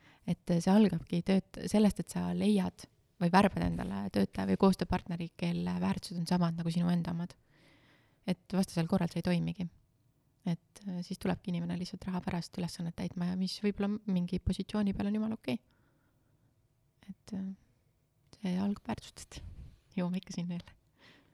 aga hmm, okei okay., aga, aga, aga, aga, aga, aga, aga ähm, võtan selle küsimuse, küsimuse vahele, et mm, ähm, kuidas tulla välja sellest, kui sa endale vastu töötad? et äh, me oleme isegi Raivoga vist korra tegelikult seda teemat puutunud ka äh, omavahel vesteldes, aga et äh, sa pead, mida sa, pead, sa tead, et sa pead midagi tegema, aga, aga sa ei tee või tuleb justkui nagu mingisugune elus mingisugune asi vahele ja sul jääb see nagu tegemata või, või mingid errorid, eks ole, ja mingid seletamatud anomaaliad, mis lihtsalt takistavad seda protsessi. et äh, kuidas ennast, kuidas, mis see küsimus on siis, kuidas ennast kätte võtta või kuidas, kuidas nagu aru saada, kas ma peaksin tegelikult sellesse panustama või peaksin käega lööma? või et ma tean, ma pean trenni tegema, sellepärast et trenn on ju igatpidi kasulik kõigile, ka mulle, on ju, inimesena aga näe, fucking ei leia motivatsiooni, täitsa pohhui noh. aga rahuga pole endaga, rahuga pole, iga päev mõtled, et miks ma sihuke olen, mis mu viga on, homme alustan, homme on käes, mõtled, et ah, ma ei viitsi täna, mul on muid asju ka teha praegu. ja niimoodi see läheb, miks me ei võta vastu seda vastutust ja hakata vingasse peale, kas see on vale asi või seal on, puudubki jälle seesama, nagu ma rääkisin eelmise näite kohaselt, et puudub see arusaamine, miks ma seda tegelikult teen. ma küsin su käest küsimuse näiteks trenni tegemise mm -hmm. koha pealt. Äh, kui sa trenni ei tee, mis sa arvad, et kus kohas on sinu enda väärtuste hierarhias näiteks sinu tervis? tervis on kõrgel. okei okay.. vähemalt toitumise osa poolelt. toitumise poolelt, on ju? füüsilise aktiivsuse poole pealt äh, täna võib-olla mitte nii väga, sest ma olen suhteliselt peenike noormees, kui ma oleksin ülekaaluline paks härrasmees, siis ma mõtleksin teistpidi, ma arvan. et siis oleks motivatsioon suurem. et ähm, ma jõuan ikkagi jälle sinna väärtuste teemadeni. ei saa üle ega ümber, sest need on tegelikult kõikide otsuste aluseks. et samamoodi, kui me otsustame, et ähm, mida tahame ennast kätte võtta või et okei okay,, nüüd ma panustan oma ettevõttesse ja arendan selle kõrgustesse, okei okay., siis see motivatsioon on täpselt sul noh, nii nagu trennis käimisega tõenäoliselt kaks nädalat, on ju. et äh, kui see ei ole kooskõlas sinu enda väärtustega, siis ma tunnen, kordan ennast juba, nendest väärtustest nii palju, aga see tegelikult on aluseks. et ähm, kui sinu jaoks on kõige olulisem see, et sa oled, et sa hoolitsed oma füüsilise keha eest, et äh, on selleks siis toitumine, liikumine, uni, äh, puhkus, et kui see on kõige olulisem asi sinu jaoks elus, et sa väärtustad seda ülikõrgelt, siis ei ole küsimust, kas sa lähed trenni või ei lähe, sa lähed. sest et sul on motivatsioon olemas, sa tead, et see on sinu jaoks kõige olulisem. kui sinu jaoks tegelikult kõige olulisem selle asemel on oletame näiteks mugavus, see, et ma tunnen ennast hästi. ja siis sa mõtled, et okei okay,, ma hakkan nüüd trennis käima. no aga kui see trenni minek ja see trennis olek ei ole mugav, siis nii-öelda tuleb elu vahele ja sa lihtsalt ei lähe sinna tegema. sa küll, sa saad aru, et sa pead trenni tegema ja võib-olla oledki nagu ma ei tea, ülekaaluline või tunned, et ma ei liigu piisavalt, aga me ei tee seda sellepärast, et äh, see ei ole meie põhiline väärtus, me ei tunne, et see on oluline. okei okay,, aga kuidas siis sellest äh, ebamugavusest äh, võib-olla üle saada täna, et me ei pea ainult trenni, trenni näitest rääkima, aga üleüldiselt, et kui ma tean ja ma pean midagi tegema ja ma tegelikult sisimas ju iseenesest liikuda on ju tore või ma ei tea, tervislikumalt süüa on ju tore, ettevõtja on ju tore olla või, või ennast arendada on tore, raamat lugeda on tegelikult tore. loodusesse minna on tegelikult tore, aga ma ei tee seda. kuidas siis, sest et see on ebamugav. ma ei taha, nagu need sammud, mida ma tegema selleks, et minna, on ju, et noh, mis ma siis nagu teen. et äh, ootan, kuni tuleb mul see tuhin peale ja nüüd käib klikk ära ja ma olen muutunud mees ja nüüd lähen või ma sunnin ennast. Kuni, seda öeldakse ju, et äh, uue harjumuse ja mugavustsoonist väljumiseks äh, läheb kuskil teaduslikult ära tõestatud kuskil kuuskümmend kuus päeva siis meil tekib automatism uue asjaga ja me saame selle nii-öelda võtta harjumuspäraseks. ja nüüd siis on võimalik uus harjumus sinna kõrvale luua, on ju, et vanasti on saanud juba nii-öelda nagu osa meie elust. et kumba nagu sina siinkohal nagu siis pooldad või nagu soovitad? Mm, kui see tuleb nii-öelda selliselt äh, loomulikult või impulsi teel, et sa tunned, et oh, nüüd tahan välja jalutama minna. ma eile mõtlesin, et ma teen äh, õhtul tööd veel ja siis tuli tunne, et ei, et ma lähen välja jalutama. jalutasin lihtsalt kaks tundi. ülimõnus oli ja selli-, selliste impulsside ajel toimetamine on alati kõige parem. küll nüüd aga on see, et et äh, kas nüüd ennast sundida siis midagi tegema, et sellest harjumus kujuneks, noh, kui sa seda tegevust tegelikult ikkagi nagu lõpuni ei naudi või sa teed seda vastu tahtmist, ma arvan, et sul jääb kuuekümne kuuest või saja kaheksakümnest päevast ka ikkagi natukene väheseks. Et jah, see võib sul saada harjumuspäraseks, aga kui sul ikkagi valik on seda mitte teha, siis pigem sa kaldud seda mitte tegema. nüüd küsimus on selles, et ähm, kuidas siis nagu aru saada, et okei okay,, et miks ma seda siis täna ei tee, mida ma selle asemel siis valin. võib-olla ongi see mugavus, mul on väga mugav koju jääda, Netflix käima panna ja lihtsalt nagu chill ida ja ma olen selle ju ära ka teeninud ja ma olen terve päeva palju tööd teinud ja mida ma sinna trenni veel lähen, on ju. et noh, ma olen ju väsinud ja on ju mugav siin niimoodi olla et äh, okei okay,, et ma teen täna selliseid valikuid sellepärast, et ma valin mugavuse, see on see endale teadvustamine, et mida ma siis täna valin selle asemel. Miks ma ei tee seda, mida ma olen otsustanud, et ma teha tahan, mida ma valin, kas ma valin, sean teised näiteks e-, esikohale ja jätan välja minemata, sellepärast et ma võib-olla, ma ei tea, pean kellelegi süüa tegema või kellegi eest hoolitsema või kedagi, kellelegi toeks olema, on ju. Et noh, mis, mis ma teen siis selle asemel, et see esimene koht on see teadvustamine, mida ma täna teen ja teine on siis see, et okei okay,, kui, kui ma tunnen, et see trenni tegemine või mis iganes on minu jaoks täna kõige olulisem asi, siis äh, enda jaoks ümbermõtestamine, see, et äh, kuidas ma saan selle enda jaoks kõige olulisemaks asjaks teha, et mis see minu jaoks tähendab, mis see trenni tegemine siis tähendab, ma ei lähe ju trenni tegema lihtsalt sellepärast, et ma tahan trenni teha. Mis see toob, mis see, mis see kaasa toob mu ellu, mida see muudab. ja siis võib-olla siduda nende asjadega, mis mulle on täna niikuinii olulised. et noh, sa tõid välja, on ju, et äh, liikumine võib-olla nii väga ei ole, aga tervislik toitumine on, on ju nii-öelda prioriteet. et siis siduda seda, et okei okay,, et aga kui ma toitun tervislikult, aga ma trenni ei tee, et noh, et siis äh, seal võiks omavahel ikkagi nagu link olla, need võiks üksteist nii-öelda nagu toetada, on ju. Et tuua selle täna prioriteetse asjaga selline seos endale ja siis siduda need omavahel kokku, nii et see motivatsioon oleks suurem, sest et ma ei usu sellisesse läbipressimisse ma ettevõtluses kutsun hellitavalt neid tegelasi betoonivendadeks, et kes lähevad lihtsalt läbi seinte lihtsalt sellepärast, et on eesmärk. et see ei toimi, noh, sa saad küll tulemuse, aga see rahulolu on seal olematu. et äh, seepärast on meil ka väga palju sihuke võib-olla Õn-, õnnetuid ettevõtjaid tegelikult on. ja see on päris nukker. et sest et on raiutud ennast kuskil läbi mingi eesmärgi nimel, eesmärk on saavutatud, aga taga on aetud tegelikult väärtust, võib-olla mingit tasakaalutunnet või rahulolu või õnnetunnet ja arvatud, et ma läbi selle eesmärgi saavutamise selle saavutan, aga ei saavuta. eesmärgi saad kätte küll, aga tunnet ei tule. et, et eesmärk on saada äh, miljon ja siis, kui see on käes, siis ah, noh, tahaks, tahaks kümmet. tahaks kümmet ja siis tuleb edasi ja nii, nii, nii kaua, kuni surmani. surmani, jah. või nii kaua, kuni läbi põled.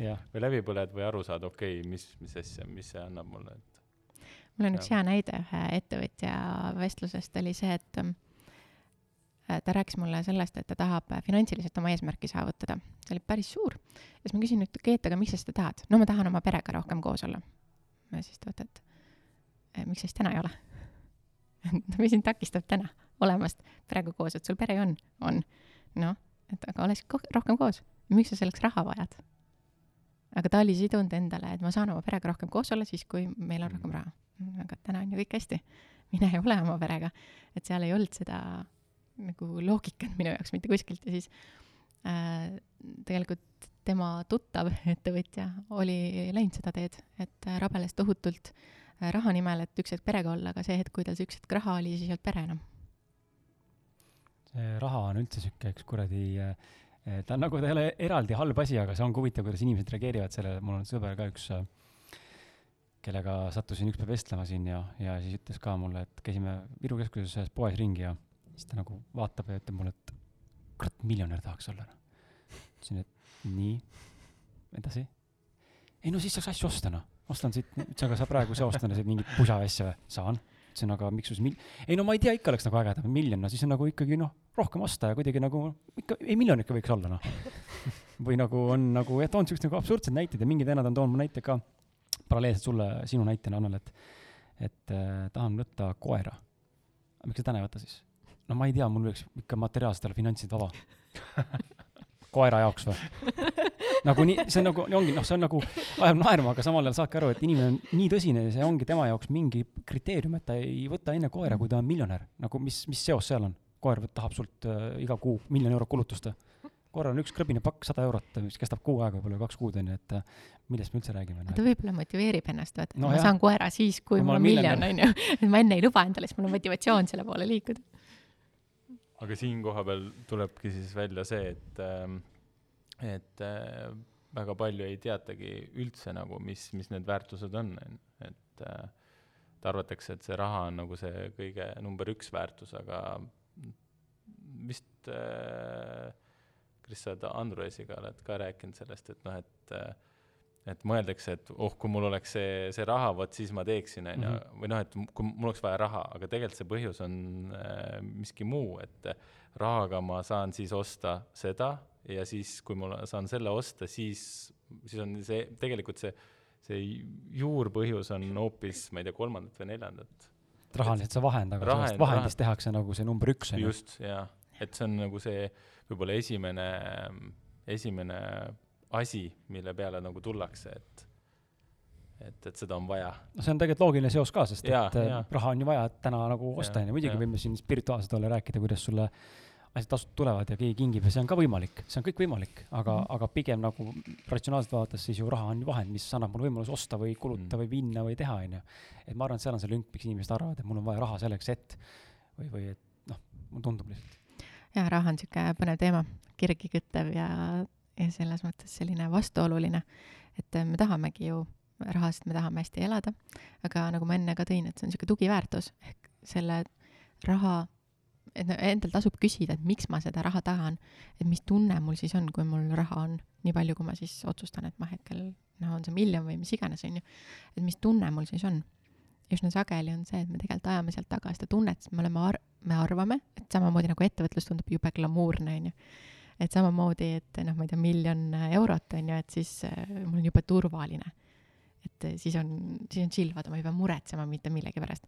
no reaalsus on see, et äh, ma olen küll hästi hetkeks olnud äh, kroonimiljonär, on ju et äh, reaalsus oli hoopis vastupidine, et sul tekivad palju suuremad mured ja väljakutsed, kui, kui äh, sul seda raha ei ole. et äh, ja noh, rahale keskendumine on üldse igas mõttes nagu sihuke kehv suund, mida minna ka ettevõtluses, on ju. et ettevõtluses on ka raha on tulem, mida sa saad selle eest, et sa pakud väärtust. nüüd selleks, kui sa tahad enda käivet suurendada, ei pea keskenduma mitte sellele, kuidas käivet suurendada, vaid sellele, kuidas rohkem väärtust pakkuda. ja kuidas rohkematele inimestele võib-olla siis väärtust pakkuda, kui sa tahad seda suurendada. ja raha lihtsalt on tulem, mis näitab seda, et kas see konkreetne vajadus oli olemas, kas see asi, mida sa pakkusid, on väärtuslik, kas sa jõudsid piisavate inimesteni, et see lihtsalt on nagu nii-öelda tulemuse väljendus, mitte nii-öelda eesmärk omaette, küll aga tehakse sellest eesmärk.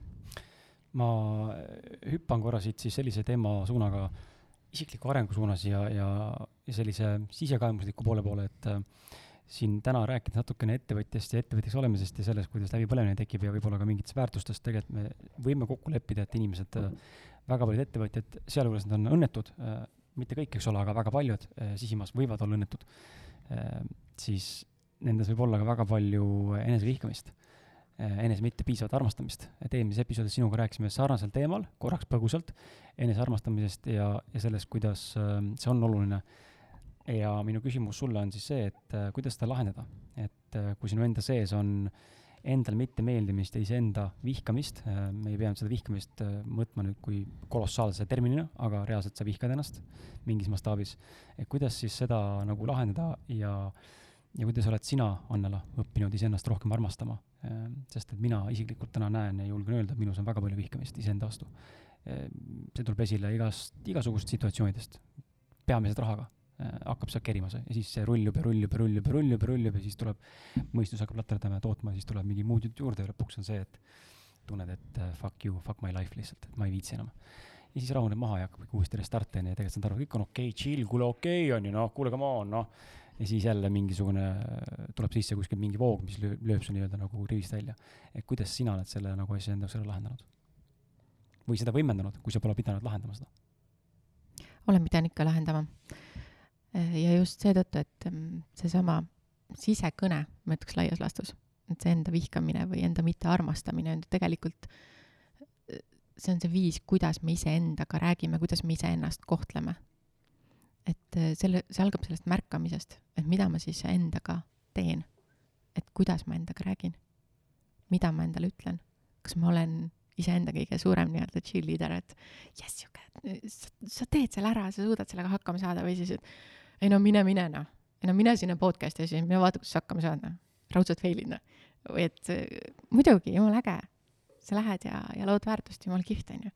et see algab sellest sisekõne märkamisest, aga seda on lihtne ka ähm,, ma ei tea, kas see on ka meeste teema, aga see on kindlasti väga naiste teema, et äh, naised võiks märgata seda, kui palju nad teisi naisi kritiseerivad. Mm.. hinnangut annavad riietusele, välimusele, olekule äh,, ka sellele, mingitele tulemustele, et ähm, mina ise hakkasin märkama üks hetk, et pagan, et mul käib nagu kogu aeg mingi sisemine nagu äh, kritiseerimine oh,. ei, ei see küll ei sobi, no ei no mina küll nii ei paneks, noh. et äh, kogu aeg kritiseerisid, aga kuna me alateadvus ei tee vahet, kas sa mõtled seda kellegi teise suunas või sa räägid iseendast, siis sa harjud ära sellega et sa iseendale räägid tegelikult täpselt sama juttu, sa kritiseerid ennast täpselt samamoodi. et ähm, laias laastus see algab sellest märkamisest, mida ma siis endaga teen. see laias laastus on ikkagi pärit äh, lapsepõlvest. Et viis, kuidas meiega siis võib-olla mingitel hetkedel või siis püsivalt räägitud on.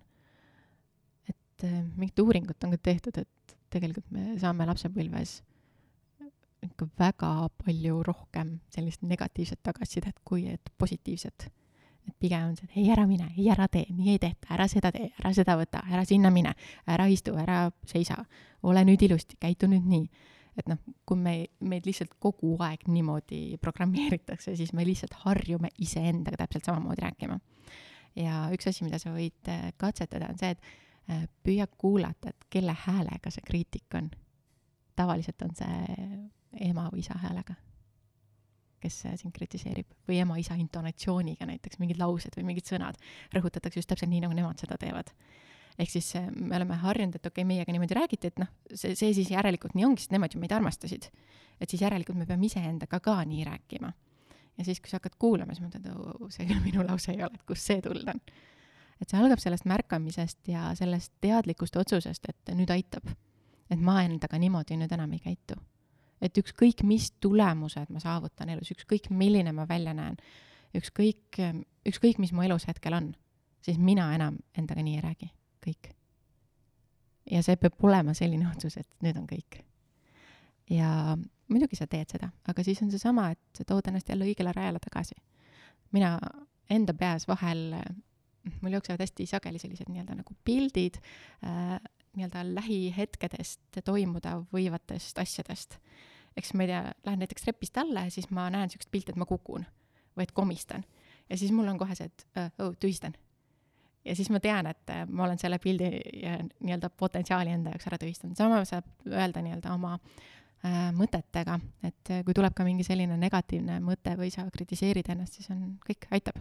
stopp, lõpetan, tühistan. ja siis mõtled selle asemel, mida sa siis tegelikult endale öelda tahad. me oleme endaga lihtsalt nii karmid nende tulemustest, mida me saavutame, selle eest, millised me välja näeme, kuidas me tundume iseendale ja et noh, põhiline kriitik tegelikult tekib ju sealt, et me ei ole rahul täna sellega, kus me oleme, me arvame, et me võiks olla kuskil sellisel kohal, sest et noh, ma ei tea, võib-olla mingid koolikaaslased või mingid eeskujud on ju juba seal, kus, kus ma olla tahan ja ma ei ole veel seal ja siis me peksame ennast selle eest. aru saamata, et meil kõigil on oma unikaalne tee, omal kõigi unikaalne elukogemus, viis, kuidas me kuhugi liigume, et tegelikult me oleme oma elus täpselt seal, kus meie hetkel olema peame ja sellega lihtsalt rahu teha. ja lõppkokkuvõttes tegelikult ju inglise keeles on üks lause ka, ei mäleta, kas autor Robin Sharma või keegi vist, aga eesti keeles oleks umbes selline, et pole ju vahet, kas Eliise jõuab täna aastaga sinna, kuhu ma tahan jõuda, või jõuan kümne aastaga, oluline on see, et me mõlemad jõudsime, et ja. aga me ikkagi vaatame seda, et kurat, ta jõudis varem, vaata on raisk, kuradi raibe raisk, kurat, persse mul ei ole, onju. aga su jutule kaks punkti veel juurde, et see isa, isa-ema teema, et mis häälega see hääl sinu sees ja peas on, et ma ise märkasin üks päev, see on hea point tegelikult, ma pole seda mõelnud, aga ma nüüd mõtlen sellele, siis minu sees on mu isa hääl mm. -hmm. ja ma tean, see on isapoolset tunnustust, minu enda see vihkamine mitte, mu isa oleks halb inimene, ma siinkohal igaks juhuks rõhutan, ma olen sellest väga palju rääkinud, ta ei ole halb isa, aga lihtsalt äh, elu on läinud sellist teed pidi, et äh, see on mõjutanud minu suhteid väga palju temaga negatiivselt ja ma üks päev avastasin, ma arvan, et üks pool aastat tagasi, äh, kuidas ma oma tütrega vahepeal räägin, kui mul ära flipib. Äh, ma olen niisugune rahulik vend, niisugune ka niisugune pigem niisugune neutraalne, vaikne, rahulik, aga mingi hetk mul lihtsalt viskab see kupli pealt niimoodi ära selle poti on ju, kaane on ju. ja ma ei hakka seal laamendama ega karjuma ega, ega peksma ega laamendama, aga, aga mul tulevad mingisugused sellised ma ei tea, mingid närvilised sõnad või mingid fraasid või laused korraks, ma nähvan või nagu olen niisugune nagu tõre või kuri hästi korraks, siis ma olen, siis ma mõistsin üks päev, et täitsa perses. ma räägin täpselt nagu oma isa sõna-sõnalt tema laused. kuidas see võimalik on? ma ei taha olla selline.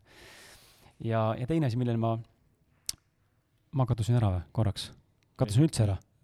kadusin, kadusin, ma ei kuule ennast. me sind kuuleme. mina kuulen sind ka. aa, nii, okei okay,, jaa, kadus ära, mingi jama on nendega siin. Need suruvad äkki siin seda. ja teine asi, mis ma olen nagu tähele pannud äh, kogu selle äh, protsessi juures sa rääkisid sellest, et, äh, et sa räägid oma isa jaa, aga seal oli mingi teine point veel, mis ma tahtsin Annele jutu juurde öelda. aa, tuli meelde, vot, vot kui tore. Eh, teadlikkuse kasv. teadlikult õppida eneseteadlikkust ja märkama asju läbi Transurfingu raamatu mm. -hmm on päris palju, äh, ma ei tea, kas Annele oled lugenud seda raamatut, äh, päris, päris huvitav tööriist, mis seletab seda maailma natuke rohkem kui lihtsalt nii-öelda väga proosaliselt, vaid nagu konkreetselt nagu teistmoodi. Ja ma istusin autos, hüppasin oma naisega, sõitsime koju ja siis äh, rääk-, olime ühel üritusel olnud just ja, ja siis äh, kommenteerisime kuidagi spontaanselt, et oi, vaata, et see tüdruk, tal olid, sellel tüdrukul olid väga suured tissid, onju. kuidagi ütleks sinna lambist niimoodi, naine viis jutu sinna. kas nägid, kui suured tissid olid või? ma ütlesin, et nägin küll jah, et päris suur partii oli, onju. okei okay,, no ei tea, jube, ikka jube suured ikka, no uskumatu, et ma ütlesin ka, et jaa, et piitspeenike tüdruk tundus olevat, ei olnud nagu rasvane kuskilt, aga et nagu rinnad olid väga suured, et ju siis nagu noh, pläst onju, või, või siis mitte pläst onju, sõltuvalt naisest onju. ja siis see on nagu positiivne noot, tunnustasime onju, et nägime, et ilus. ja siis teine asi, mis kohe tuli juurde, see, et aga kurat, ikka Pepp oli suur veits, vaata siuke nagu ei olnud ikka väga okei okay tegelikult ka ja iseloom ka tundus siuke natuke siuke naiivne ja selline. ja siis elukaaslane ütleb mulle stopp, mis me teeme praegu? siis ma sain ka aru, et oot-oot, mida me teeme praegu õiesti, ma hakkasin halvustama, miks mm? -hmm. nägin positiivset ja nüüd hakkas mõistus juurde tootma midagi veel, kuna mu mõistus jäi temale kinni ei suutnud ära tulla enam sealt, et sellega lõpetada, vaid hakkasin veel asju otsima ja rohkem midagi positiivset ei olnud tol hetkel enam minu võtta. hakkas tulema seda negatiivset crap'i, aga me peatasime ja siis oli vait järgmised kümme minutit autos ja siis vahetasime teemat. aga varasemalt pole ma suutnud ennast niimoodi nagu peatada, mm. -hmm. et see on nagu huvitav mina vahest linna peal kõndides üritan sellist praktikat rakendada, et ma püüan mitte millelegi, mida ma näen, mitte ühtegi silti anda. Et noh, et see on maja ja ma isegi ei anna seda. väga raske. et äh, see on niisugune huvitav, et äh, kõndida ja märgata, et kui palju tegelikult me mõistus tahab kõigile mingid mm -hmm. sildid või mingid hinnangud külge anda. et mida vähemaks me seda võtame ja mida rohkem me hakkame märkama seda ka teistes inimestes, mida me tahame kas või seda, et näiteks ke-, kellelgi läheb äriliselt äh, hästi või on nagu ülikihvt äh, kontorni siin nagu proua Keeris on ju jumala kihvt, väga lahe. Ja tunda rõõmu selle üle, et keegi on teinud midagi nii kihvti ja, ja see näeb nii lahe välja ja, ja pakub toredat väärtust, on ju. et mida rohkem sa seda märkad, seda rohkem sa hakkad ka enda suunas seda tegelikult andma, sest et noh, nagu ma ütlesin, alateadvus aru ei saa. kellest sa räägid, et äh, ma kiidan siin proua Keeri, on ju, aga alateadvus mõtleb, et ma kiidan enda äri, on ju et äh, see hakkab jah sellisest eneseteadlikkusest ja enda teadlikkust jälgimisest pihta ja tahtmisest sellega tööd teha ja teises suunas liikuda. Seal, tegelikult mul just ennem oli see küsimus, et aga tegelikult Kris küsis juba seda ära või rääkis sellest, et, et kuidas tähele panna seda, et sa oled negatiivne. et noh, ongi see sisemas, et seda on nii raske vähemasti mul tähele panna, nüüd, nüüd on hakanud paremini välja tulema aga just see, et tähele panna, et kui me oleme just negatiivsed, et kuidas seda eh, endas treenida, et seda üldse tähele panna, et seda, sildistamist ja kõike seda. üks asi, mida võib-olla natuke lihtsam jälgida kui mõtteid, sest noh, neid mõtteid meil on nii tohutult palju, on oma tunnet, et kuidas sa ennast tunned. ehk kui sa mõtled nagu negatiivseid ja kritiseerivaid mõtteid, siis see enesetunne on sihuke äh. et kui sa ennast ikkagi hästi ei tunne siis üsna tõenäoliselt need mõtted on nagu hm. ja, ja, ja nüüd on oluline veel see, et aru saada ja panna tähele, mis tunne sul ja. on et ka seda tähele panna. see väga tihti tegelikult ei märka seda, ma, ma üritasin endalt äh, ükspäev lapsega jalutades küsida, noh, teie magamavankris jalutad seal ja kodupool ja siis mõtled, et küsi, mis, mis ma praegu tunnen üldse. nagu, tunned, et mitte midagi ei tule no ma ei suuda nagu defineerida, mis tunne mul praegu kehas on, kas ma tunnen ennast halvasti, hästi positiivselt, neutraalselt või mis nagu on, et ja siis kõndisin, mõtlesin, et kuidas, kuidas see võimalik on, et ma ei saa nagu aru, mida ma tunnen. ja ei saanudki aru, kuni kodu jõudmiseni, mõtlesin, mis jama see on, et ei ole, tunnegi midagi. Et see on huvitav, et ma ei tea, ei ole nagu varem märganud niimoodi, et seda nii raske nagu aru saada mm. -hmm. sest ähm, see on niisugune, see on selline nii-öelda baastunne, millega me oleme elama harjunud ja siis sa ei oskagi seda kirjeldada kuidagi aga üsna sageli laias laastus, nagu me ka esimeses podcast'is, ma arvan, rääkisime, on see, et kõik tulemused saavad alguse meie mõtetest. sealt tekib mingi tunne, me teeme tegevuse, saame tulemuse. Et üsna sageli sa võid aru saada, et mis tunne sul on, kui sa vaatad oma elu tulemusi. et kui need tulemused on sellised, mida sa tahad, siis üsna tõenäoliselt sul baasiks on üsna selline hea tunne. et kui ei ole, siis tasub tasub seda tunnet nii-öelda timmima hakata. et vahet ei olegi, kas oskad sellele nii-öelda näpu peale panna ja öelda, et noh, et ma ei tea, tunnen ükskõiksust näiteks. või, või ei oska, et aga kui sa tunned, aga tegelikult saab nagu grammike paremini ennast tunda, et kuidas ma saan sinna ennast viia, et ennast natuke grammikenegi paremini tunda. et kas selleks on mingisugune mõte või on selleks tänulikkus, mõtlen, millest ma täna oma elus juba tänulik olen, mis mu elus täna toredat on, on ju. või siis ähm, mina üsna sageli viin ennast äh, ühele mõnusale reisile, eks mul oli aastaid tagasi üks ülimalt mõnus reis, kus ma tundsin ennast tohutult hästi ja see jättis hästi tugeva sellise ankru. ja kui mul vahest on see, et noh, et kuidagigi ennast heasse tundesse ei saa, et siis ma kujutlen ennast sinna reisile jälle ja on tunne hea. Tead, see on täitsa haige, et sa mainid seda, sest et äh, kui ma Euroopas olin need kolm kuud, siis mul oli ka ainult auto, naine, noh last tollal ei olnud, laps eostati see reisi ajal onju, et äh, last oli olnud. oli päev, oli, oli, oli, fun fact on see jah, aastavahetuse laps onju, fun fact. et äh, olime nagu seal, me olime sellises nagu huvitavas rannas, mul tuleb just see pilt meelde, oli rannas, kus oli sadu äh, autosid, mul on see pilt ka olemas siin, karavane ja vänne, üks järjest pargitud täiesti niimoodi külgboksidesse. ja siis äh, ranna, ranna äärest või nagu merevaat-, merevaade on siis merevaatele ja sealt kolmeteist kilomeetri kaugusel on Maroko ja sa näed tulesid õhtu hämaruses ja pimeduses, Marokot näed, nii-öelda Aafrikat, on ju. siis olime seal nädal aega ja see on see, mis, kus ma mõistsin, et ma olin nagu väga õnnelik ja vaba, oligi maailma auto, mu naine, päevik, mina, mingid raamatud, elu oli chill, ookean on ju, meri. Ja siis äh, see on see, mis tunne tuleb mul samamoodi kogu aeg meelde kuskilt pagasist.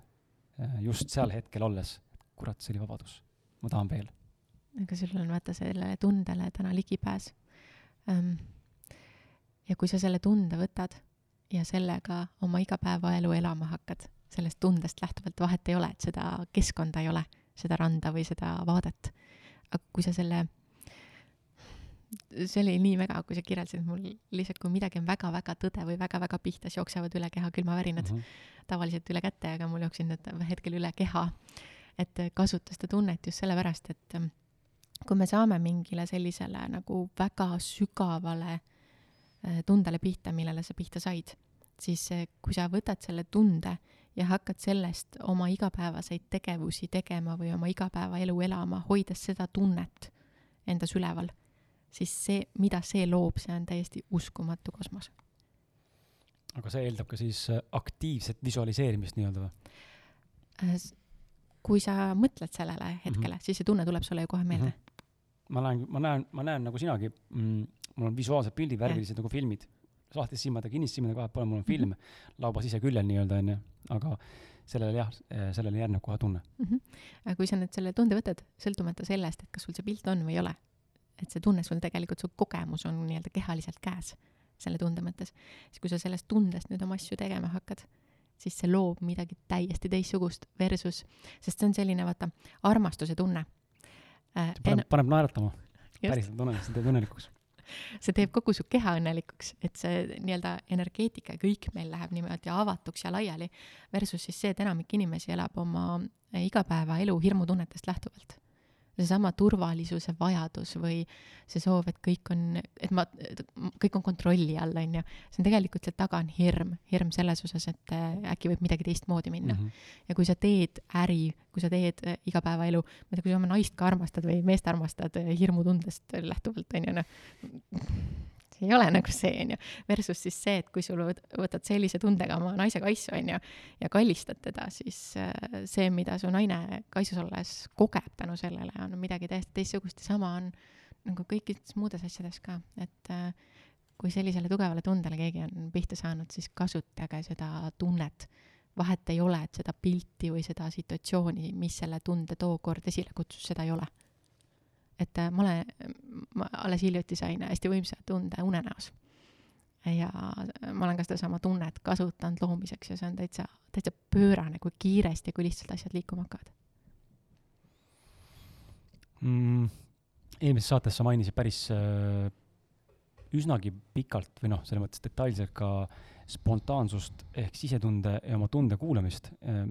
sinult kui coach'ilt küsimus siis selline, et ettevõtja, kes täna äh, on tugevalt planeerimises ja tugevalt detailidest äh, orienteeritud. Excelis. Excelis on ju, nina, ninapidise arvudes on ju, et jumala eest kõik oleks õige. ja, ja mitte mingisugust muud infot vastu ei võta ja kõik ähm, on nii-öelda by the book. et äh, sina coach'ina, mis sa siis oskad nagu inimestele soovitada, et kumb või kas on spontaansem ähm, liikumine olulisem või siis detailsides, täisdetailsuses nii-öelda elu kujundamine ja planeerimine, mida sina soovitad? Kuna minu juures käivad ka ettevõtjad, kes on toimetanud viisteist pluss aastat oma ettevõtetega, ehk siis väga pikalt olnud ettevõtjad, eh, siis kui ma nende käest küsin, et kuidas nad otsuseid langetavad, siis äh, nad küll räägivad mulle numbrid tõesti sellest, et see oli ratsionaalne ja mõistlik, siis ta lõpuks, ma ei tunne sihuke. ehk tegelikult ma ütleks, et ettevõtjad, kes, kes toimetavad nagu oma asjadega hästi nad tuginevad hästi palju oma sisetundele, aga nagu äh, seda selliselt nimetamata. et neil on sihuke, et noh, ma ei tea, tunne oli sihuke, noh, ma ei tea, numbrid näitasid nii, aga noh, tunne oli sihuke.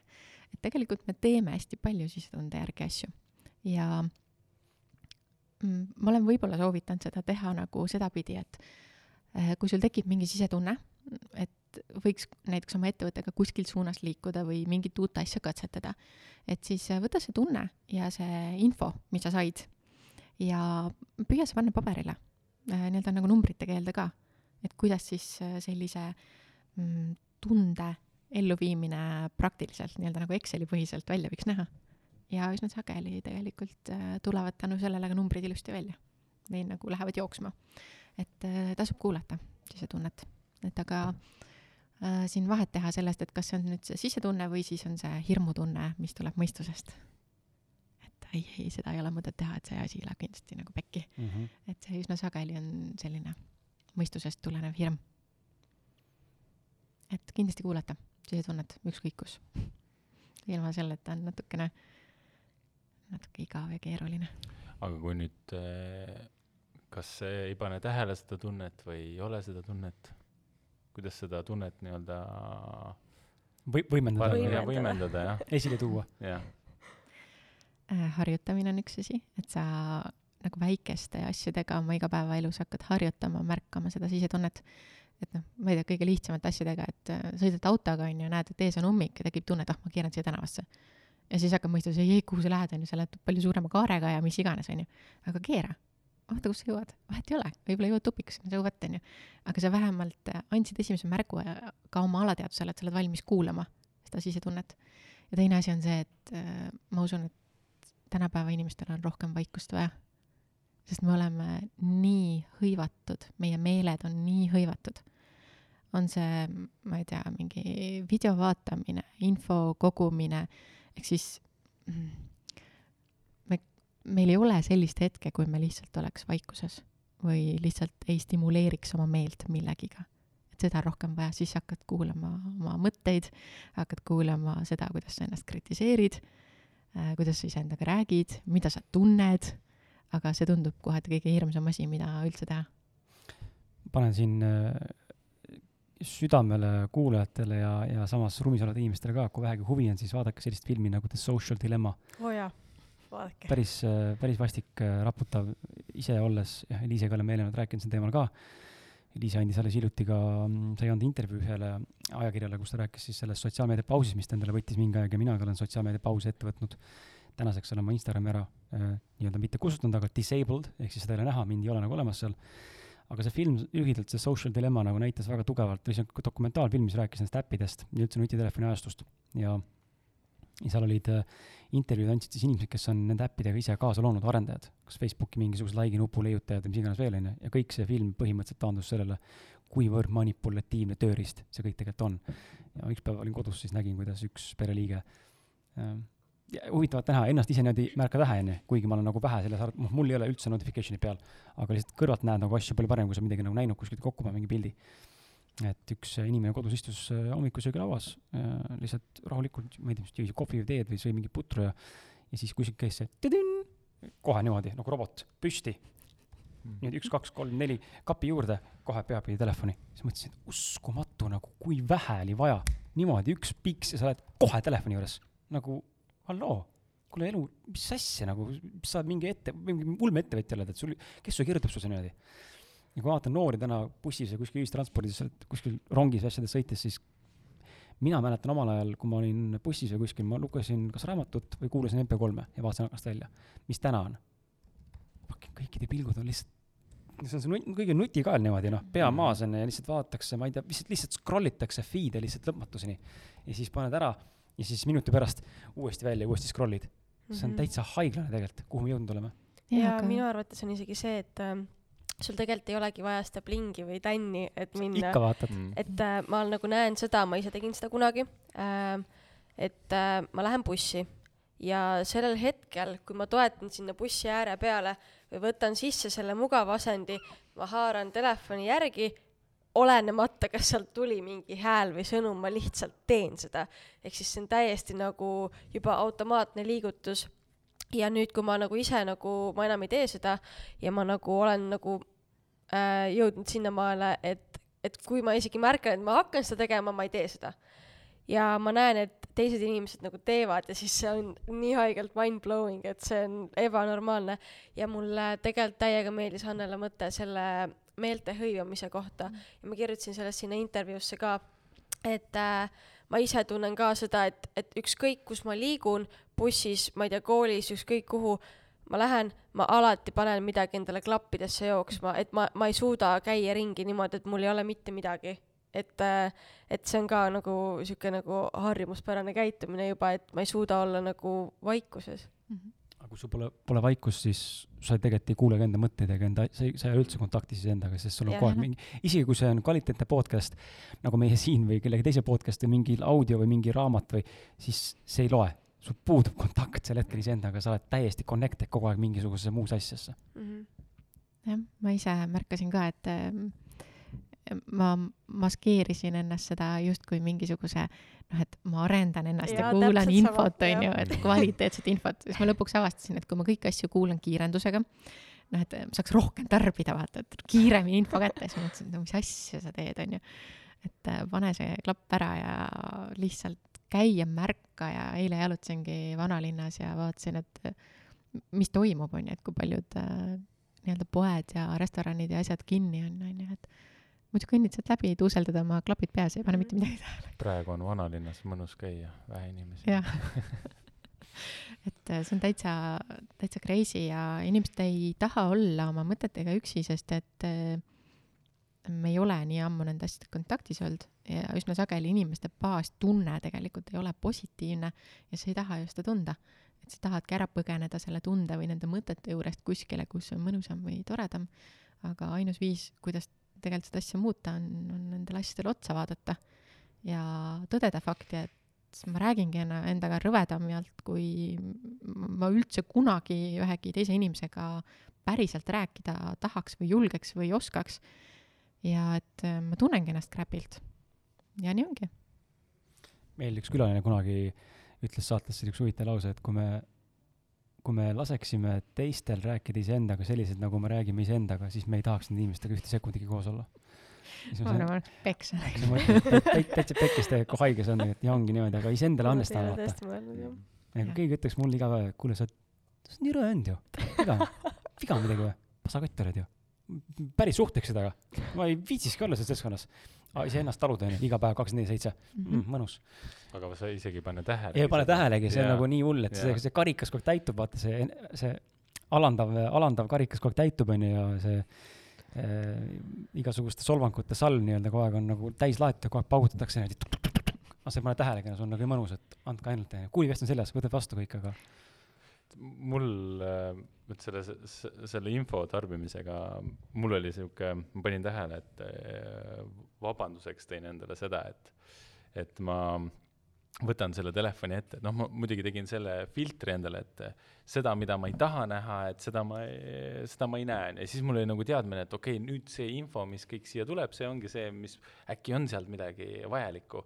Ja iga kord, kui ma telefoni võtsin, või noh, tegelikult ma siiamaani seda ikkagi teen, et ma justkui otsin seda mingeid vastuseid, mis mul on vaja. Ma ei tea täpselt, mis vastus see on, et aga ma olen kogenud seda, et vahepeal, kui ma scroll in, siis vaatan oh,, see on mingi see, see teema, mis mind kõnetab, on ju, ja, ja täna ma küll teen seda samamoodi, vahepeal rohkem, vahepeal vähem, aga see, et ma võtan selle telefoni ette just selle eesmärgiga, et äkki tuleb see, see, see, see minu jaoks just see oluline info just ja praegu, aga tegelikkuses ähm, äh, kui nagu toimet-, seda vahepeal tuleks teha, et muidu sa ei saagi võib-olla mingit infot, on ju, tegelikult näiteks äh, uudiseid ma enam äh, juba aastaid ei kuule ega loe ja ja pole millestki ilma jäänud, aga just see scroll imise teema, et, et äh, äh, et see info, mis, mida ma nagu justkui otsin, et oh, nüüd võiks tulla, et see, see tuleb nii või naa, ma olen aru saanud sellest, aga väga raske on ikkagi sellest distantseeruda, et et äh, jaa, ära valeta, Raivo, sa jääd ilma võimendatud koroonastatistikast. eks ole, ja hi-, ja hi-, meediamassi hirmust jääd sa ka ilma. no ma ei tea. millestki jääd ikka ilma. ma ei tea, ma, ma arvan, et kui ma seda isegi rohkem kuulaks, siis äh, ma rohkem ärrituks. ja Ma tegelikult ma tegin ärritun. nalja, jaa, jaa, aga, aga jaa, praegu aastaid juba ma tunnen, et ma ei ole millestki ilma jäänud.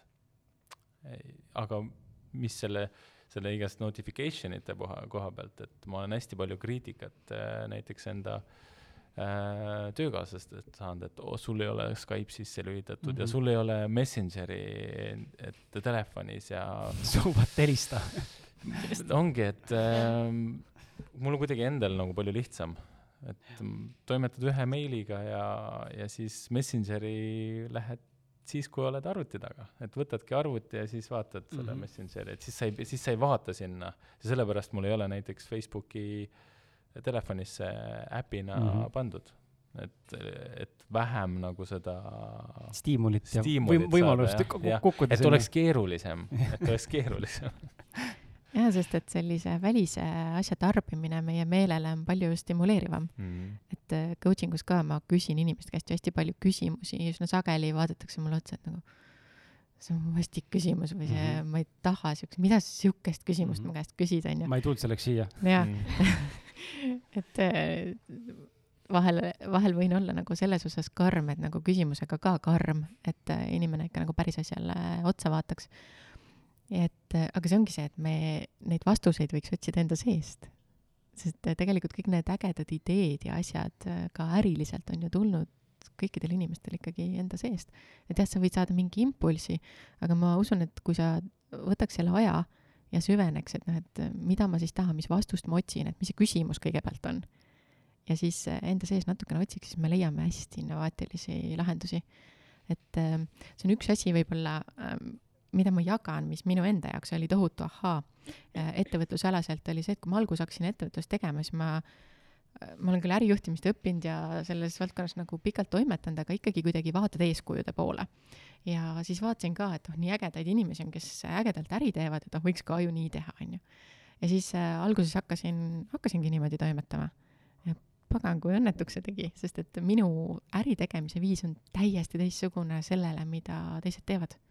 et see lähenemine on teistsugune ja need asjad, kuidas ma asju lahendan, on teistmoodi ja see on saanud tulla ainult tänu sellele, et ma olen võtnud, et okei okay,, need on head mõtted, aga mida mina päriselt teha tahaksin ja kuidas mina päriselt teha tahaksin. ja kui siis küsima hakkad ja need lahendused leiad, siis need on paganama ägedad lahendused. ehk siis ei ole seda täielikku tõde, kuidas peaks ettevõtlust tegema, ei, siin on see sama näide, tahtsin tegelikult enne ka tuua, aga praegusesse konteksti sobib nagu paremini, et meil ongi nagu mingid standardid vaata ühiskonnas tekkinud mm. -hmm. erinevatel teemadel, millest me nagu lähtume, olgu ta siis, kuidas suhtes olla, kuidas seksida, kuidas armastada, kuidas ettevõtlust teha, kuidas raha teenida, kuidas investeerida, onju. kuidas last kasvatada, onju, kuidas toituda. ja, ja ma olen nagu sama asja näinud, et äh, et ma olen nagu mõelnud äh, ja läbi selle näite alati endale nagu kuskilt tekkis taipamine, et öeldakse turunduslikus mõttes, et üks korda, kaks korda, kolm korda nädalas sotsiaalmeedias postitada on nagu fine. Ja see on sihuke keskmine mõnus, et ära nagu rohkem pane, siis see on nagu ületootmine on ju, et sa nagu spämmid on ju. aga mis siis, kui mu tunne ütleb ja mulle tundub, et mul võiks toimida see, ma teen nädal, iga päev kaks korda näiteks. aga nüüd, kui ma hakkan nagu mõistusega vahele laskma segada oma tundel ja oma soovil, siis ma tegelikult lähen kellegi teist teed pidi, mis ei pruugi mulle üldse tootida ega minu jaoks sobida, on ju, sest et see ei ole mina ehk siis eh, kui meil tegelikult puuduks see väline stiimul ja väline info sellisel kujul nagu täna kättesaadav on, mida on täna meeletult palju, on ju, mitte me nüüd seda maha teeme, aga seda lihtsalt on tohutult palju. meie oskus on seda mitte siis vaadata või tähelepanu mujale suunata, aga kui seda ei oleks nii palju, siis oleks palju lihtsam teha omas tempos oma nagu kulgemise kaudu midagi, ilma peaks kedagi, ennast kellegagi kogu aeg võrdlema. et kas või Instas on ju, meeste, mehed teevad seda võib-olla sellisel viisil, naised teevad teistmoodi. mina, ma tean, kui ma nägin kui ma näen kellegi mingit trennivideot, mingit motivatsiooni, mingit trennivideot või kedagi kuskil treenimas välismaa venda või Eesti venda või kedagi või näen kedagi mingeid pilte ilusast kehast või nagu füüsiliselt ära treenitud kehast, onju, minus tekib pigem halb tunne. sest et ma tahan ka seda saada, aga ma ei taha sellisel viisil, nagu tema teeb seda. ja mu, ja ma ei ole täna avastanud viisi, kus mina te te teha tahan, Mhm. mismoodi ma liikuda soovin selles teekonna suunas. ja see tekitab nagu väga suurt sihukest nagu vastumeelsust, et fuck you, raisk, ma ei kuradi perse talle, mul ei ole, onju. ja tekib jälle see äng. aga kui ma ei näeks seda infot, Mm -hmm. noh, siis, siis, siis mul ei teki ka võrdlusmomenti enam selles koha pealt. jah, ma tean, et on minust olemas rohkem lihastes äh, meesterahvaid ja on ilusamaid naisi, kes mina tean näiteks naisena, onju, kui ma oleksin naine. mitte, mitte, mitte, mitte, et see mingi saladus jälle tuli, onju. aga hea, hea täpsustus lõppu, onju, kui ma oleksin naine. aga see ei tähenda seda, ma pean ennast võrdlema. aga see juhtub, kui me näeme seda kogu aeg niimoodi läbi Jah. jooksmas voona. Ma näen seda ettevõtete puhul, noh, mingisuguste brändide puhul näen, et, et äh, need, kes ähm, äh, nii-öelda teevad omamoodi, siis äh,, siis nad ei ole nagu, need, kes nii-öelda on jälgijad, siis nad jää, alatiseks jäävad nii-öelda äh, nagu järgi jo- jooksikuks follow ja iteks, jah. follower iteks, Sheep aga nad ei, kunagi ei saa liidriteks mm. -hmm. et, et omamoodi tegemine siis siis see ongi see ja Jah. see võib tähendada seda, et sa leiad inspiratsiooni täiesti ootamatutest äh, valdkondadest. mm. -hmm. minu jaoks näiteks ärilise inspiratsiooni allikas tohutu on disain.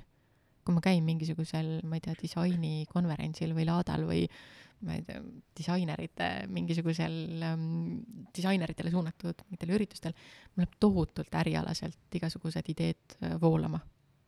Ma ei ole suutnud linki peale või näpu peale panna, miks see nii on, aga mul toi- toimib tohutult hästi, palju paremini see, kui ma võib-olla kuulan, ma ei tea, mingisugust Nordic Business Forumit onju, versus siis see, et ma lähengi mingisugune disainerite laadale ja ma saan sealt tohutult infot enda jaoks. kas, Steve, Steve Jobs mitte ei olnud see, kes sellesama mingisuguse näite tõi, et eh, oma läpakate Macide kujundamisel ta tegelikult sai inspiratsiooni arhitektuurist või kuskilt mujalt nagu täiesti nagu Mhm. noh, täitsa täiesti teine relevant, mitte Mhm. relevantne nagu valdkond, aga sealt tuleb mingid nagu kapsakad või nagu laksud kätte nii-öelda, et ahaa, ma tahaks hoopis niimoodi teha. Mm -hmm. ma usun ka seda, et äh, see on mingisugune oskus võib-olla äh, leida inspiratsiooni nagu igalt poolt Mhm. äh,. näiteks äh, ma mäletan, mul treener rääkis ka seda kunagi mulle, et äh, kui sa tantsid, onju, siis sa pead või noh, et sa areneksid, et sa nii-öelda freestyle'i teeksid nagu paremini, siis sa pead mõtlema ise mingisuguseid väikseid kavasid või mingeid kätekombosid või mida iganes nagu no inimese keeles siis mingit koreograafiat välja äh,. ja ta ütleski, et äh, kuidas, ei midagi. et äh, ta ütleski, et proovi olla inspireeritud nagu kõigest. Ja siis ma nagu hakkasingi mõtlema, et okei okay,, et a la näiteks seal seisab mingi tool on ju, millel on mingid triibud, et kuidas ma saaks seda nagu, et kuidas ma saaks nagu mingit nagu füüs- või kuidas ma leiaksin sellest mingit inspiratsiooni. Ja see oli nagu megalahe ja sealt ma sain nagu oskuse leida inspiratsiooni nagu absoluutselt kõigest. Et ongi disain, ma ei tea, tool, mingi muster, keegi räägib midagi, kuidas keegi, noh, absoluutselt kõigest. Ma ei tea, laua peal on õun ja võin sellest ka inspiratsiooni saada. et see on nagu sihuke lahe asi mu arust. ja muusikud ju hästi sageli saavad äh, inspiratsiooni loodusest või kunstnikud, et tasub, tasub äh, leida, leida enda jaoks see, mis sind äh, inspireerib. et äh, mulle ka arhitektuur ja kuidagi disain on see, mis, mis minu mõtted nagu hästi tööle panevad, et äh, vahel osad, kelle kuulavad muusikat, noh, klassikalist muusikat, mis siis aitab äh, kas fokusseerida või keskenduda või ideid genereerida, et kellele mis, et tuleb lihtsalt katsetada ja julgeda leida selline oma inspiratsiooniallikas. Äh, minu poolt, Annele, sulle viimane küsimus. võib-olla Raivol ja Liisel tuleb midagi spontaanselt juurde, aga minu küsimus sulle on siis selline, kuidas saame end toetada, suunata ja motiveerida ja mida selleks indiviidina teha ja mida tuleks teada?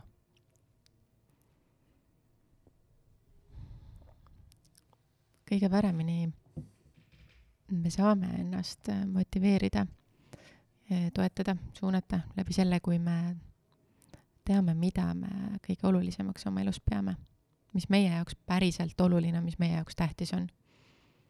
et mm, jõuame ikkagi sinna väärtuste teemadesse. et kui see on meil selge, mis on oluline, siis äh, on enda motiveerimine kõiges nagu väga lihtne ähm, enda toetamine kõiges, hästi selge äh, otsuste, valikute langetamine läheb hästi kergeks ja kiireks. et äh, kui öeldakse ka, et äh, tippettevõtjate üks kõige parem omadus on see, et nad oskavad äh, suuri ja raskeid otsuseid kiiresti langetada, siis tegelikult see, nad teavad täpselt, mille järgi seda valikut teha. mida valida, miks valida, mis mille aluseks on. et äh, jõuame ikka sinna, et ma soovitan väga inimestel mõelda selle peale, mis nende jaoks elus on kõige olulisem, võib-olla siis elus tervikuna, aga siis ka igas eluvaldkonnas erinevalt. et äh, meil on jah, selline nii-öelda põhiline või baasväärtus elus tervikuna, kõikide eluvaldkondade ülene, aga samas on äh, eri eluvaldkondades äh, võivad olla need väärtused natukene võib-olla teises järjekorras või midagi veel olulisemat. et noh, hea näide ja võib-olla ka soovitus, kes on paarisuhetes, et rääkige omavahel paari suhtes olles, et mis kumbagi väärtused paari suhtes on ja mida see tähendab. et äh, noh, väärtustes üldiselt ma tasu, soovitan väga-väga äh, lahti ka kirjutada, et mida mingi väärtus äh, sinu jaoks siis tähendab. et kui ma siin, ma arvan, küsin kolm, kolmelt teilt on ju, et äh, mis teie jaoks tähendab armastus, siis ma saan äh, kolm täiesti erinevat vastust, sest me saame armastusest või üldse nagu, ma ei tea, sõnast hoolimine või turvatunne täiesti erinevalt aru. et siis tasub teisele inimesele see lahti selgitada. ja tegelikult sinna juurde käivad ka sellised reeglid, et mis juhul me tunneme näiteks, et me kogeme armastust oma elus või mis tunnel, mis juhul äh, ma ei koge, et keegi mind armastab. Need võivad olla täiesti erinevad sellest, mida noh, paari suhtes, Mhm. mida sina arvad. Et noh, ma ju väljendasin sulle oma armastust, et kuidas sa nüüd aru ei saanud. teine mõtleb, et see ei olnud ju midagi, et kui sa nii käitud minuga, siis ma tunnen, et ma olen armastatud, onju.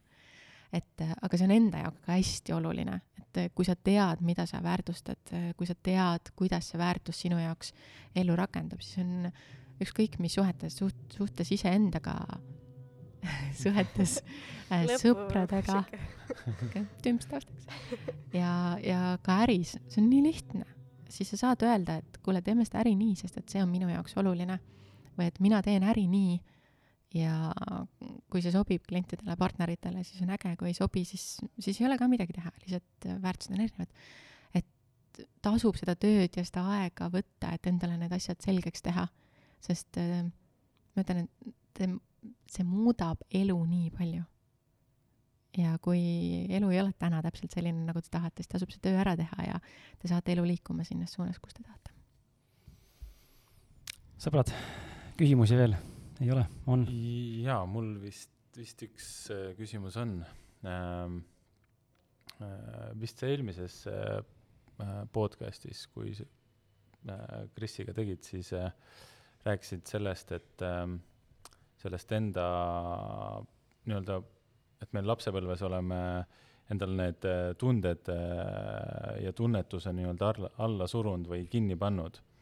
et äh, kas võib olla selles ka, et näiteks kui, kui sa oled, oled seda teinud lapsepõlves, siis läbi selle ka tegelikult sul see, see tunnetuslik pool ja see tunne või arusaam sellest noh, näiteks äriliselt on ka siis tänu sellele nõrgem?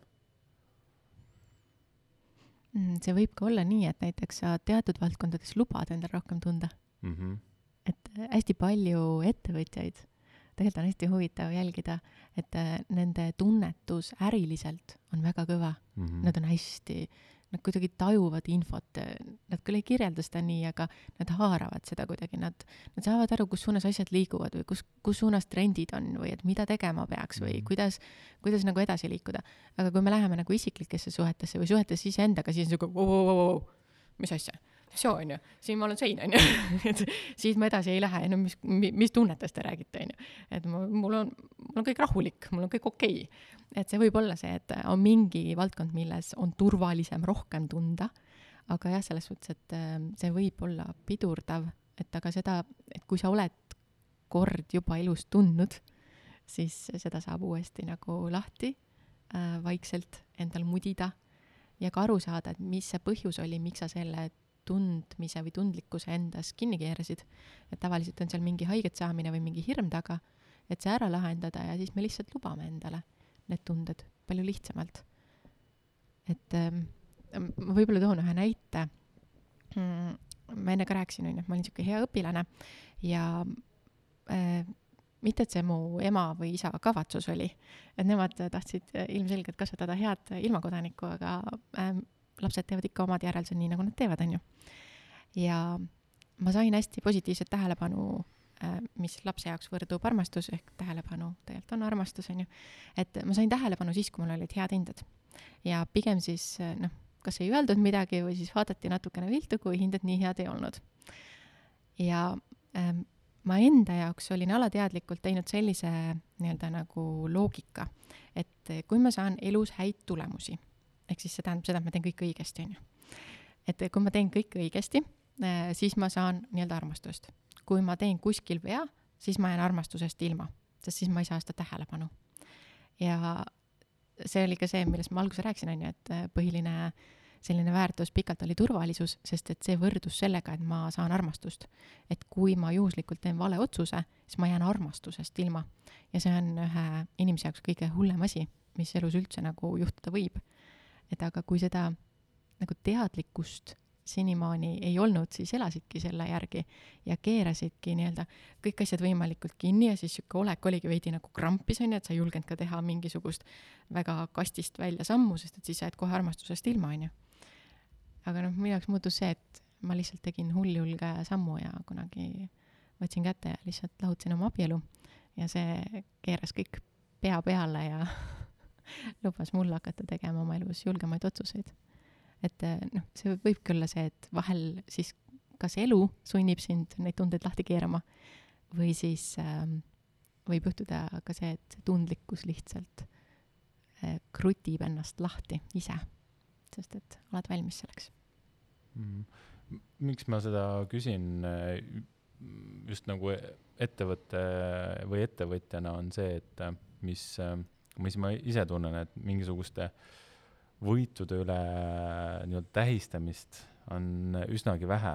et, et noh, tegelikult nende aastate jooksul on tegelikult nagu päris suuri võite olnud, aga selle üle nii-öelda tähistamist on, ma näen täna, et on suhteliselt vähe.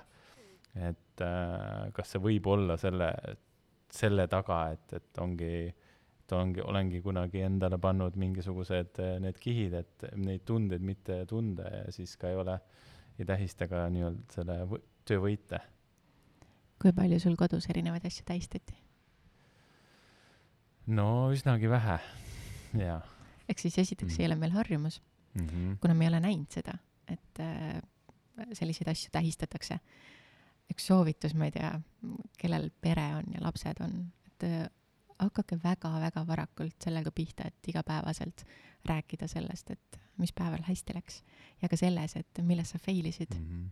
ja tehagi sellest nagu normaalsus, et fail imine on ka jumala okei okay,, see tähendab seda, et sa oled proovinud. et kui sa ei ole fail inud, siis järelikult sa pole uusi asju proovinud täna. ja ka see, et näed, mis on hästi. et äh, see, see õpetab nii-öelda maast ja madalast juba nagu äh, fail imist või siis nii-öelda ebaõnnestumist pidama normaalsuseks ja ka seda, et me tähistame häid asju. aga eks seda saab endal lihtsalt arendada, et teadlikult ette võtta, et äh, kas või mingi praktikana, ma ei tea, igapäevaselt või vähemalt nädalaselt, et sa tood, tood välja enda jaoks, mis on hästi ja hakata, noh, kindlasti on sul olnud elus olukordi, mida sa tähistanud oled, onju. et päris kinni see keeratud ei ole, lihtsalt sa oled harjunud tähistama nagu suuremate asjade puhul. ma ei tea ju siis need suured asjad pole siiamaani tulnud jah, siin on see, vaata, mis tähe, tähenduse sa ka enda jaoks mm. Äh, pannud oled. et seda tähendust võib ka natukene uurida, et mis, et äh, milline äh, saavutus või siis milline nii-öelda asi väärib sinu arvates täna ettevõtlusalaselt tähistamist mm. -hmm. see võib olla mingi väga-väga suur asi üldse. et aga siis seda muuta, et okei okay,, et tegelikult need igapäevased väiksed võidud tasuvad ka tähistamist mm. -hmm.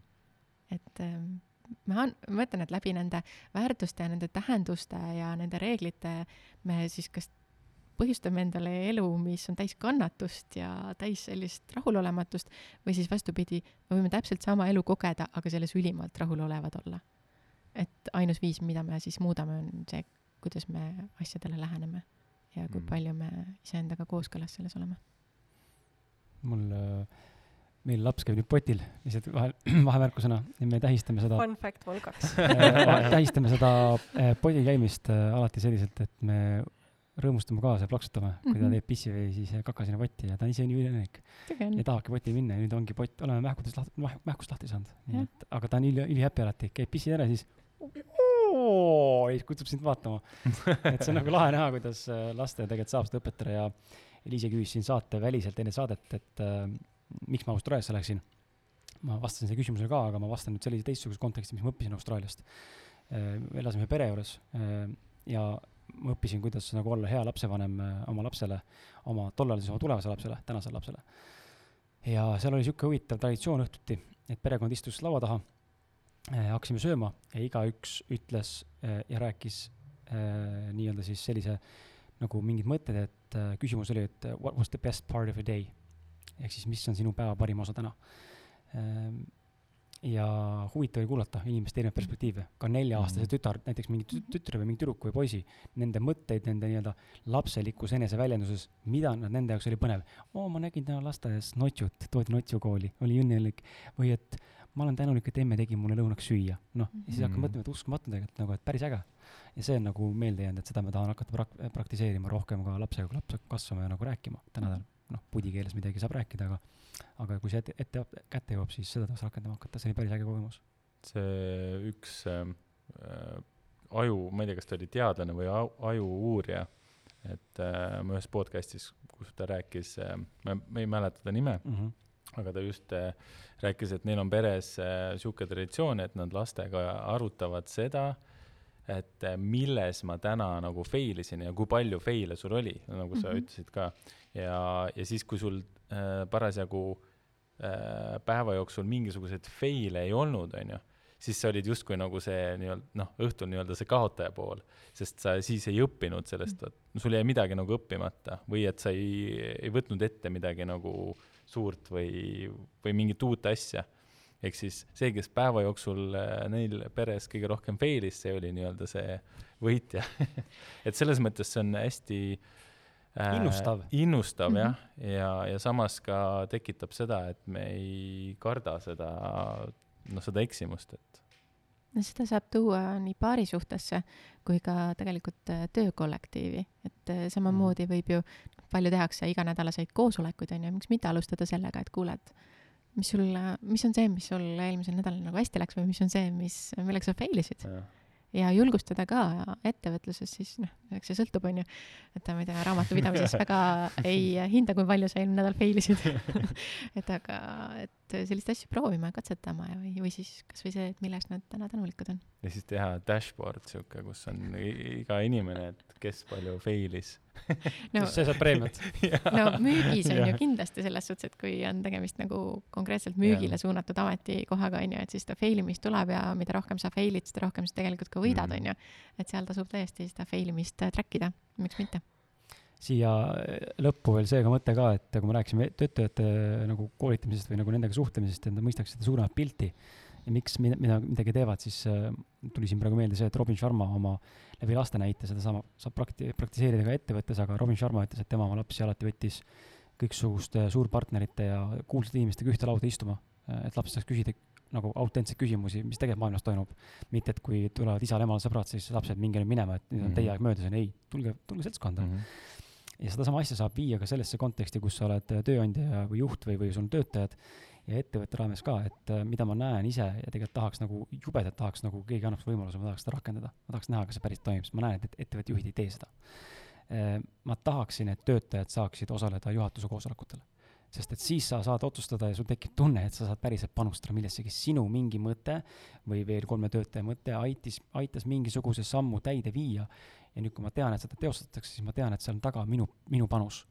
See ei pea alati niimoodi olema, aga mul on tun-, mul on kahju on näha, kuidas see mõt-, mõte on üleval kolmnurgas ja tegutsemine on seal all, kus on nagu mingid orjad on ju saalis, on ju, kes tegelikult ei tea üldse, mida nad teevad seal. aga kui need inimesed teaks rohkem, mis tegelikult toimub ettevõtte juhtimises, siis võib-olla oleks see mingil määral ka võib-olla kasumlik.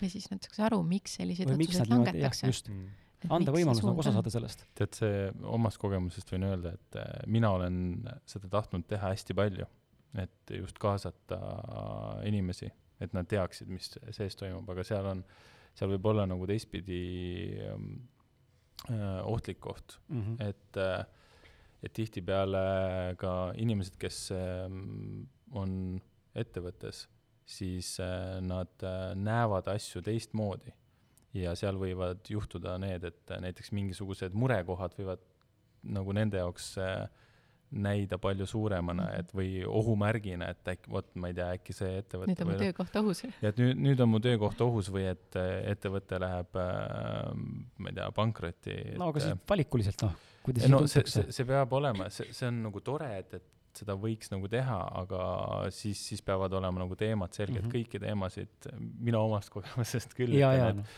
et, et see mitte et sellepärast, et meil oleks midagi varjata, vaid lihtsalt sellepärast, et kuidas ta mõjub äh, inimpsüühikale. just, et jah. kuidas, kuidas sellest nagu, sellesse suhtutakse. ma arvan, et siin on see vahe ka vaata, et kas see on korporatsioon või startup. nii et Kris, kui sa tahad äh, anda oma äh, nagu seda enda initsiatiivist ja enda mõtteid väljendada siis minna startup'i tööle. jah, või siis muudame vana korporatsioonide ideed. kõik on võimalik. vana koera saab ümber õpetada, ma arvan. aga mitte kõiki loomulikult. Ja praegu on paljud äh, ongi muutumises. ja, ja see on ja, selge, jah. ja praegu on väga palju selles, korporatsioonid on, muutuvad sellised paindlikumaks rohkem või et toovad seda paindlikkust rohkem sisse, sest et äh, ei saa teistmoodi. ei saa teistmoodi. Z-generatsioon, kes siin valutamas on, Jah. see lihtsalt vallutab täiega lihtsalt. jah, jah, ja mis on äh, mõnes mõttes õige ka, et äh, turg ja nii-öelda äh, tarbijad ootavad teistsuguseid lähenemisi, et enam ei sobi see, et ma saadan pakkumise ja ma ootan äh, viis päeva pakkumisele vastust, on ju. et äh, tulebki kiiresti reageerida ja tulebki inimesega kohe suhelda, et äh, lihtsalt vastasel korral sa jääd nagu ajale jalgu, et noh, eks see sõltub valdkonnast, et on küll tõenäoliselt valdkondi, kus, kus selline niisugune tavapärane korporatsioon ja see kõik jätkub veel, Mm. aga samas kui sul on lõpptarbijaga suurem ühendus, siis, siis need ettevõtted jah, paraku peavad muutuma ja mis on äge, sest et ma arvan, et sellist uut tuult ja uut lähenemist ja sellist väärtuspõhisust ja kõike seda on väga-väga vaja, sest see loob nagu ühiskonnale teistsuguse aluse. Mhm. või no ka meie näiteks äh, teeme tööd või noh, meile meeldib rohkem äh, koostööd teha nende äh, ettevõtetega, kes on rohkem nagu sellised inimlikumad või on sellised mitte nii korporatiivsed. Et äh, need, kes on suured ja korporatiivsed, siis seal puudub nagu see, sa tajud, et sul ei ole tegelikult seda kontakti, et sa võid, sa võid öelda mida iganes, et näiteks, et kuule, et teil, ma ei tea, see tootes, näiteks sa võidki soovitada, et kuidas toodet parandada, on ju, siis need suured korporatiivsed, need on nagu noh, see ei, see ei jõua kunagi sinna, kuhu see võiks jõuda, aga väikestega on see, et ka meie omast kogemusest need soovitused, mida meie oleme andnud, need ka reaalselt nagu toodete, toodetes lõpuks ka mõne aja pärast äh, muudetakse ja see on, see on see, kuidas sa ise näed, et okei okay,, sa soovitad ja siis see juhtub ka, et see on, see annab nagu teistmoodi niisugust, et et oh, näed, et see on ka meie äh, panus siis sellesse tootesse või Mhm. et äh, jah, et selline inimlikum pool nagu on praegu ma, mina näen küll, et et on see, mis, mis on vaja või võiks olla rohkem. Annela, lõpusõnad, kui sul on? kutsun ikkagi inimesi ülesse, olgu siis ettevõtjad või mitteettevõtjad, iseendast natuke rohkem aru saama ja selgeks tegema selliseid baasaluseid, mis meil endal niikuinii sees on, et kas nad täna meid toetavad või nad meid enam ei toeta, neid on näiteks muuta vaja. see teeb elu palju lihtsamaks, sest äh, see on see, millest ma alati suure osa klientidega ka oma töös pihta hakkan ehk needsamad väärtuste kaardistamine, see, kuhu me jõuda tahame, kas need nii-öelda vundament toetab sinna jõudmist, kas me saame sinna laduda pilvelõhkuja või me ei saa sinna pilvelõhkujat laduda nendele, sellele vundamendile. et äh, seda tööd tasub ette võtta, see tasub tohutult ära ja selles mõttes, et nüüd on olemas äh, selle online koolituse näol niisugune hea mugav tööriist ka, kui, kuidas on võimalik seda teha lihtsalt, lihtsalt tuleb see aeg võtta ja natukene pühenduda. jaa, et äh, absoluutselt, minge kindlasti äh, vaadake, uurige, lugege rohkem selle koolituse kohta ja kui vähegi on tänase info põhjal siin äh, tekkis huvi, siis äh, mm, tungivalt, ma arvan, me kolmekesi siin saame pead noogutades soovitada, et võtke Annega ühendust. Teiseks asjaks veel Hooandja kaudu küll raamatu ettetellimine ebaõnnestub, ma juba tean ette seda mis ei ole üldse hullu, et äh, talvel on ilmumas ausad meeste podcasti esimene raamat, kui sul on äh, soovi seda endale soetada, siis anna meile teada ja hoia silmad lahti, sest et kõikidesse suurematesse raamatupoodidesse see raamat müügile ka ilmub kuskil tõenäoliselt detsembri keskpaigas, vahelt enne jõule. nii et ja ka Annel on seal sees enda panusega, enda eelmise saatega ja lisa äh, tekstiga siis, mis on väärtuspakkuv sulle kui lugejale. Ja samuti on Anne- Annela ka järgmises raamatus, et äh, ka sulle info siis, et sa Juhuu. oled ka järgmises raamatus sees, kui sul on see soov. vot, aga ma tänan sind, Annela aitäh! Eh, ma tänan Eliise, sind ja ma tänan sind, Raivo. aitäh. ja ma tänan sind, Armas, hea kuulaja, et sa need kaks tundi ja kaheksa, üheksa minutit nüüd vastu pidasid. nii et kui see saade sulle meeldis ja sinu jaoks mingisugust väärtust lõi ja uusi mõtteid tekitas, siis ole hea, tee meile kõigile üks teene. Jaga seda saadet vähemalt ühe oma sõbraga või siis too meile üks uus kuulaja. ja sellega oleme väga tänulikud sulle, vot, ja egas midagi, sinuga kohtume juba järgmises episoodis, millal iganes see on. tšau. aitäh sulle, tšau. tšau. tšau. tšau.